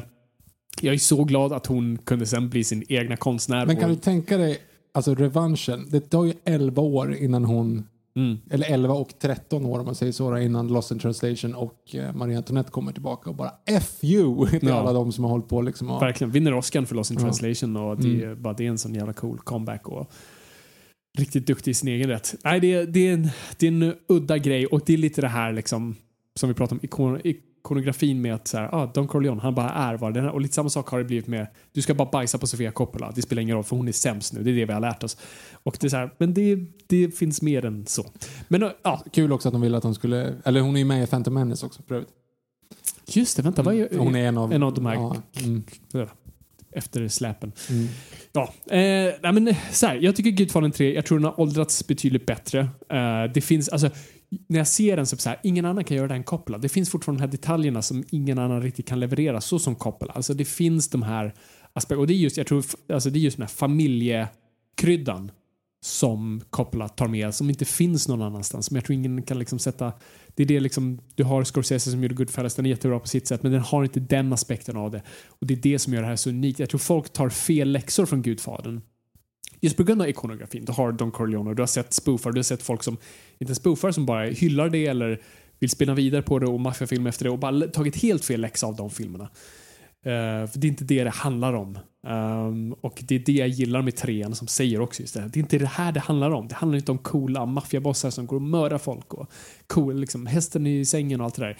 Utan det, det, det handlar om Men det- sorgliga människor. Ja, exakt. Ja, det håller jag med om. Men där, sam- samtidigt så är det så här, det som gör att man kommer ihåg det, precis som du säger, är ju hästen i sängen. Ja, absolut. Eller skjuta i handduken. Gud, eller ja. liksom, alltså, det, är det är ju De det blir ju ikoniska. För att det är snyggt och man kommer ihåg det. Mm. Eh, men som säger inte där. En grej som jag tänkte på dock. Sista scenen är ju totalt överflödig. Jag fattar inte varför man hade den där. Han, han, Han dör. Ja, nej det är Fast, också... va- varför? va- Nej, han dör ju där i så fall. Om Exakt, här, han om dör jag- metaforiskt där. Han dör, meta, ja, men han dör metafor. Ja, exakt. Ja, tack. Alltså när eh, de missar sk- skottet. Liksom. Mm. Det är ju det som egentligen det handlar om i så fall. Det är där liksom allting går åt helvete. Mm. Ehm, just det, vad fan var det? Jag tänkte på någonting som jag glömde bort nu. Jo, nej. Mm. Jo, okej. Eh, tråkig fråga, men ändå intressant. Vilka skådisar är med i alla tre filmer? Vilka skådisar? Ja, Al Pacino, Mm. Diane Keaton. Mm. Vänta. Okej, för Flashbacks är Fredo med i alla också. Men inte... Okej, ja, bortser, Mm. vi bortser från Ja. flashbacks. Mm. Hmm. Uh, Sofia Coppola. Där! Det var den jag tänkte ta. Det är ju Hon- den enda som spelar olika roller. Exakt. Så hon är ju bebisen eh, som döps som Michael Mm. blir gudfar till i, i första filmen. Mm. Hon är en av barnen var på Ellis Island. Eller Mm. så. Mm. Eller på båten. Ja. på båten. Och trean då, ja, uppenbart. Så det var lite kul att hon, hon är en av de som är faktiskt med i alla tre filmer. man Exakt. Så lite vet. respekt tack, Ja, eller hur? till Sofia Coppola. Um, ja, nej men jag tror, alltså, för ni där ute som så här, just kanske inte ens har sett Gudfadern 3 för att ni bara skriver av den för att ni har hört så mycket dåligt om det eller kanske har sett den för länge sedan och tänkt att den var skit. Se om den. Eller kanske till och med se om The Godfather Code. Så vi kan ju komma in på det. Vi har inte sett den än. Um, utan den släpps typ runt nu här. Och eh, bara för att säga, vad, vad är skillnaden på den här då? Paramount gav koppla chansen att så här, skulle du vilja typ piffa lite in, det är ju såklart en money grab för dem för att bra, då kan vi bara släppa en ny version och, och det är i stort sett bara, eh, vad kan man använda, läppstift på en gris. Eh, men Coppola kände verkligen, men jag har, vill nog faktiskt ha lite mer tid med den här. Så delvis vill han döpa om den till, som det skulle heta, Godfather Coda, Death of Michael Corleone. Och tydligen så har han ändrat en hel del, hela inledningen är borta. Eh, med, vi öppnar på huset där, det övergivna compoundet och hela ceremonin, han får medaljen är borta. Ja. Eh, utan vi börjar när han mötet med prästen tydligen. Mm. Och det här brevet han skrivit till sina barn är tydligen lite uppdelat här och var. De har huggit ner, ja jag ska inte avsluta, avslöja allt, men de har, det är snarare en omflyttning av scener och den är typ en halvtimme kortare också. Mm, ja, Jag det, tänker att Directors Cuts är längre. ja, men det är ju bra. Jag tror det är bra, så Ja. jag ser lite fram emot att se den här, att det här kanske är en renare version. Det är så här, jag är lite tvådelad när det kommer till Directors Cuts. De är roliga i, som idé, men när det har gått så lång tid också. Alltså det är så här, alla konstnärer vill göra om sina grejer. Det behöver inte betyda att det är bättre eller bra. Eh, så att man ska alltid vara... Directors Cuts behöver aldrig vara den ultimata versionen av någonting. Ibland är det det. Ibland har det liksom... Fan vilka jag tänker på. Vilken, Blade Runner. Ja, precis. Blade Runner. Ja, men där har du ett bra... Precis. Tack. Där är ett bra fall. Där är det så här, det är, då funkar det. Men, eh, men annars så är det faktiskt sällan bättre. För att jag tycker inte att regissör ska ha ultimat kontroll. Men jag tycker i det här fallet, för en film som varit rätt bespottad, att på något vis det här ger ett tillfälle för folk att gå tillbaka till filmen och kanske nu låtsas som att de uppskattar den. Eller snarare att de alltid uppskattat den och säga att det här kanske är ett mästerverk trots att det kanske inte behövs så mycket ändringar. Fråga en gång till en Director's Cut som är bättre. Jag skulle säga extended-versionerna på Sagan om ringen är bättre. Okej, men så fråga, Men det är inte fråga mig en gång till. jag ska fråga dig. ja. Förlåt. Victor, vilken Director's Cut är Kingdom of bättre? Heaven. Yes. Mm. Korrekt. Det är korrekt. Och det, jag skulle faktiskt argumentera, för, men bra poäng, för där kan man faktiskt argumentera för att där är det mer den, den riktiga versionen som kommer fram. För att som i Kingdom Heaven, det finns ju också i Blade Runner att så här, du har regissörens vision och studion säger "Hey, fuck no, gör så här istället och så klipper de om det så. Exakt. Och då är det, så då handlar det inte om att regissören går in efteråt och bara jag vill ändra det här, jag vill fixa det utan så här. Jag vill, jag vill bara Jag vill visa, visa min version. var. Äh, Snyder. Cut. Mm. Ja, ja precis. Så ja, just det. Och Snyder Cut har det. Så, så i, i de fallen är det bättre. Det, det är värre när en regissör just får gå tillbaka 30 år senare och bara säga skulle du vilja göra någonting? Och han bara ja! Ja, men Sarlacc behöver ju en mun. ja. där, där har du ett bra exempel. De har för mycket makt. Uh, yes. Vi har för lite dåligt animerade, knappt renderade djur i vägen för bilden. Jag vill att Ewoksen ska blinka. Va? De kommer se skitcreepy ut. Okej. Men ja. Nej, Har men, inte ni alltid saknat en, en dörr när han solo åker in i den där? Eh, När han åker upp, är det inte så att det en automatisk dörr som öppnas? Eller om Vänta, när Lando. Men är det inte, eller jag har drömt det, att det, de har lagt på en typ en liten lucka när han glider upp med en folken där i trean. Skitsamma, eller tvåan, eh, i femman. Jag kan inte prata, skit i det. Eh, vi släpper det.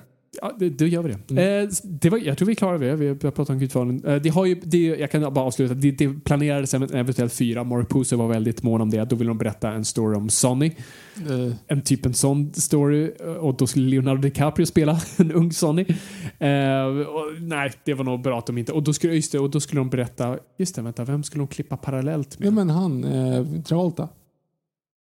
Just Han det, precis. Exakt. Han Ja, var. Don Corleone. Precis, du skulle klippa för, precis, för då skulle du göra som en Gudfadern del 2, del 2 Mm. av att det är parallellt mellan sonen och fadern. Och så, här, åh, det, det hade kunnat vara intressant. Nej, Eller bara, Det behövs inte. jag vet inte, jag blir lite sugen. Men eh, när Mario Puzo, han går bort och Coppola sa jag kommer aldrig röra den franchisen utan Puzo. Så att, eh, nej. Så det lär nog aldrig bli av. Och Ja. jag är rätt glad att det inte blir av. Jag tycker inte Coppola, Coppola är 80 nu. Så att jag hoppas att han får bara fortsätta göra sina små experimentella filmer. Men det var Gudfadern. Ehm, ja, om ni nu som sagt inte har sett om de filmerna på ett tag, eller ens sett dem, vad gör du här? Vi skulle ha sagt spoilers, men jag Ja, tror folk fattar. Spoilers. det, ehm, se om de filmerna. För guds skull. Och, och, och säkert nu inför The Godfather Coda. Jag, jag tycker det, det här är riktigt jävla bra filmer. Finns de på någon streamingtjänst nu, Victor? Viaplay. De finns på Viaplay. Mm. Perfekt. Jättekonstigt för första filmen är värdelös version. Åh nej, har de inte den? Tvåan och trean är bra, eller bra versioner, men ettan är jätte... Alltså ettan var svår att res- det, Jag vet inte vilken version. Jag har den restaurerade versionen. eh, Den från typ 2010 någon gång så släppte de liksom det var då första gången de restaurerade den på riktigt. För den första DVD-kopian hade var piss. Sen så gick de tillbaka. För det negativet hade de inte ett original på så de var tvungna att leta världen runt efter bra kopior och sen verkligen piffa till dem. Och den är fortfarande inte perfekt. Men, och så det ser man verkligen mellan ettan och tvåan är så här, oj, dag och natt. Men eh, den är fortfarande rätt bra så jag undrar, hmm, undrar vilken version via Play har. Ah, ja. Mm. De finns där i alla fall. Japp. Så kolla in dem om ni inte har gjort det. Eller kolla om dem framförallt. Uh, om det var länge sedan. Ja, nu låter det ungefär som att det hyllade Gudfadern 3. Jag tycker fortfarande att det alltså, jag skulle säga att tvåan och trean är fortfarande så här. Jag tycker nog ändå mer om tvåan än vad jag tycker om, eller tyck, nej, jag tycker mer om trean än vad jag tycker om tvåan, men tvåan är bättre, konstigt sagt. Eh, det lät som att det var tvärtom nu, men eh, för den har fortfarande så pass många fel. Bara en liten parallell till som egentligen är helt ointressant för alla som lyssnar, så varför säger jag den så överhuvudtaget? Men ponera, ni- det är kanske någon som känner igen sig. Kommer ni ihåg när vi gjorde film? Uh, allt för väl. Mm. Och då var det ofta så här, vi hade ju set pieces. Vi ville göra den här scenen. Mm. Vi ville göra, vi har gjort en Sagan om ringen film och det var så här, just det, vi hade den här idén om, om en, och den här, alltså det, det var alltid så här, vi vill göra den här stora scenen, den här coola. Och så vill vi göra den här coola scenen, vi vill den här coola scenen. De kommer bli fräcka. Men, så här, men hur tar vi oss dit? Ah, jag vet inte, vi filmar lite snabbt bara när vi går mellan hallen där och så säger vi någonting så här, jag sa det där lite dåligt, skit i det, vi, tar, vi har kvar det. Så känns hela trean. Det känns som att de vill ha de här, de, de, de har liksom tänkt ut att just det, påven ska vara med. Mm. Vet, vi gör hela Johannes Paulus, den här konspirationsteorin kring det där. Mm. Det ska vara med. Och vi ska ha den här bikten, det ska vara med. Men hur kommer han dit? Ja, jag vet inte, han får gå dit och så är det någon annan. Och så. så ska vi ha det här mordet inne på teatern. Ja, men hur, hur sätts det upp? Nej, men han får säga det i bakgrunden typ till någon och så sitter John Travolta vid bordet så han råkar höra det. Jag, vet- inte, men han kan väl inte ha hört det? Jo, men han får ha hört det nu så han får berätta det sen. Vi- Skitsamma, det löser sig. För att alla kommer bara komma ihåg den stora scenen. Så det är lite det. Det känns som här, dåliga transportsträckor till några bra tentpoles. Liksom. Fortsätt prata för Nej, jag, nej, men sånt där tyder ju på ett så här, första versionsmanus som de uppenbart använder. Det var det ju också. Verkligen. Och eh, det är där du ser många av problemen. Den är för tjock, för, kom- liksom, för kompakt, har, liksom, och det finns inget andrum och logiken doesn't really make sense och sådana grejer. Klassiskt första version-grej. Och det, det är ju inte, liksom, det är inte konstnärernas fel i sig utan det är sådana studion. Hade de fått det här halvåret kanske det hade varit fantastiskt. Eh, men vi lär väl aldrig veta. Nej. Men nej, jag vet inte. jag Det. det var någonting, jag vill bara se så att du fick det sagt. Det var någonting du sa när vi pratade om tvåan så du ville komma tillbaka till trean. Har, har du fått det sagt? Jag tror det. Okej, bra. jag Jo, tror... men det var ju poängen i att jag hade kunnat skippa tvåan och gå på rätt till Ah, okej, trean. bra. För att arket är bättre om du slu slutet på ettan och liksom början på trean är en bättre övergång. Det Mm. Bra. det. Ja, jag tror inte vi behöver rate de här filmerna. Jag tror vi har det ganska klart. Jag tror det också. Alltså, jag tror, eh, vi- ettan är bäst. Det är det vi kan. Ja, men det är ettan, tvåan, trean, men Mm. inte så Inte så stor skillnad. Nej, inte så stort gap. Mm. Nej, precis. Jag skulle också säga typ tvåan och trean är nästan likvärdiga. och det är framförallt för att hantverket i tvåan är så helvete bra. Vilket Ja. den egentligen inte är på samma sätt i trean. Därför så skiner över. Exakt. Och ni vet vad ni ska skicka era hatbrev någonstans? jan.geo.expressen.se Ja. Så, jag tror, jag tror vi, vi är klara. Eh, det här var ett eh, jävla start på året och vi hoppas kunna hålla uppe det här, den här standarden. Men eh, vi har så många spännande avsnitt på G. Och eh, ja, det kommer bli ett bra jävla år det här. Och kul att vara tillbaka och hoppas ni alla mår bra och är friska och är glada och allt sånt där. Och det här kommer bli fantastiskt. Så, vi bommar igen där. Tack så jättemycket för att ni har lyssnat. Det är kul att vara lyssnad, men kom ihåg gott folk, ingenting är för nördigt.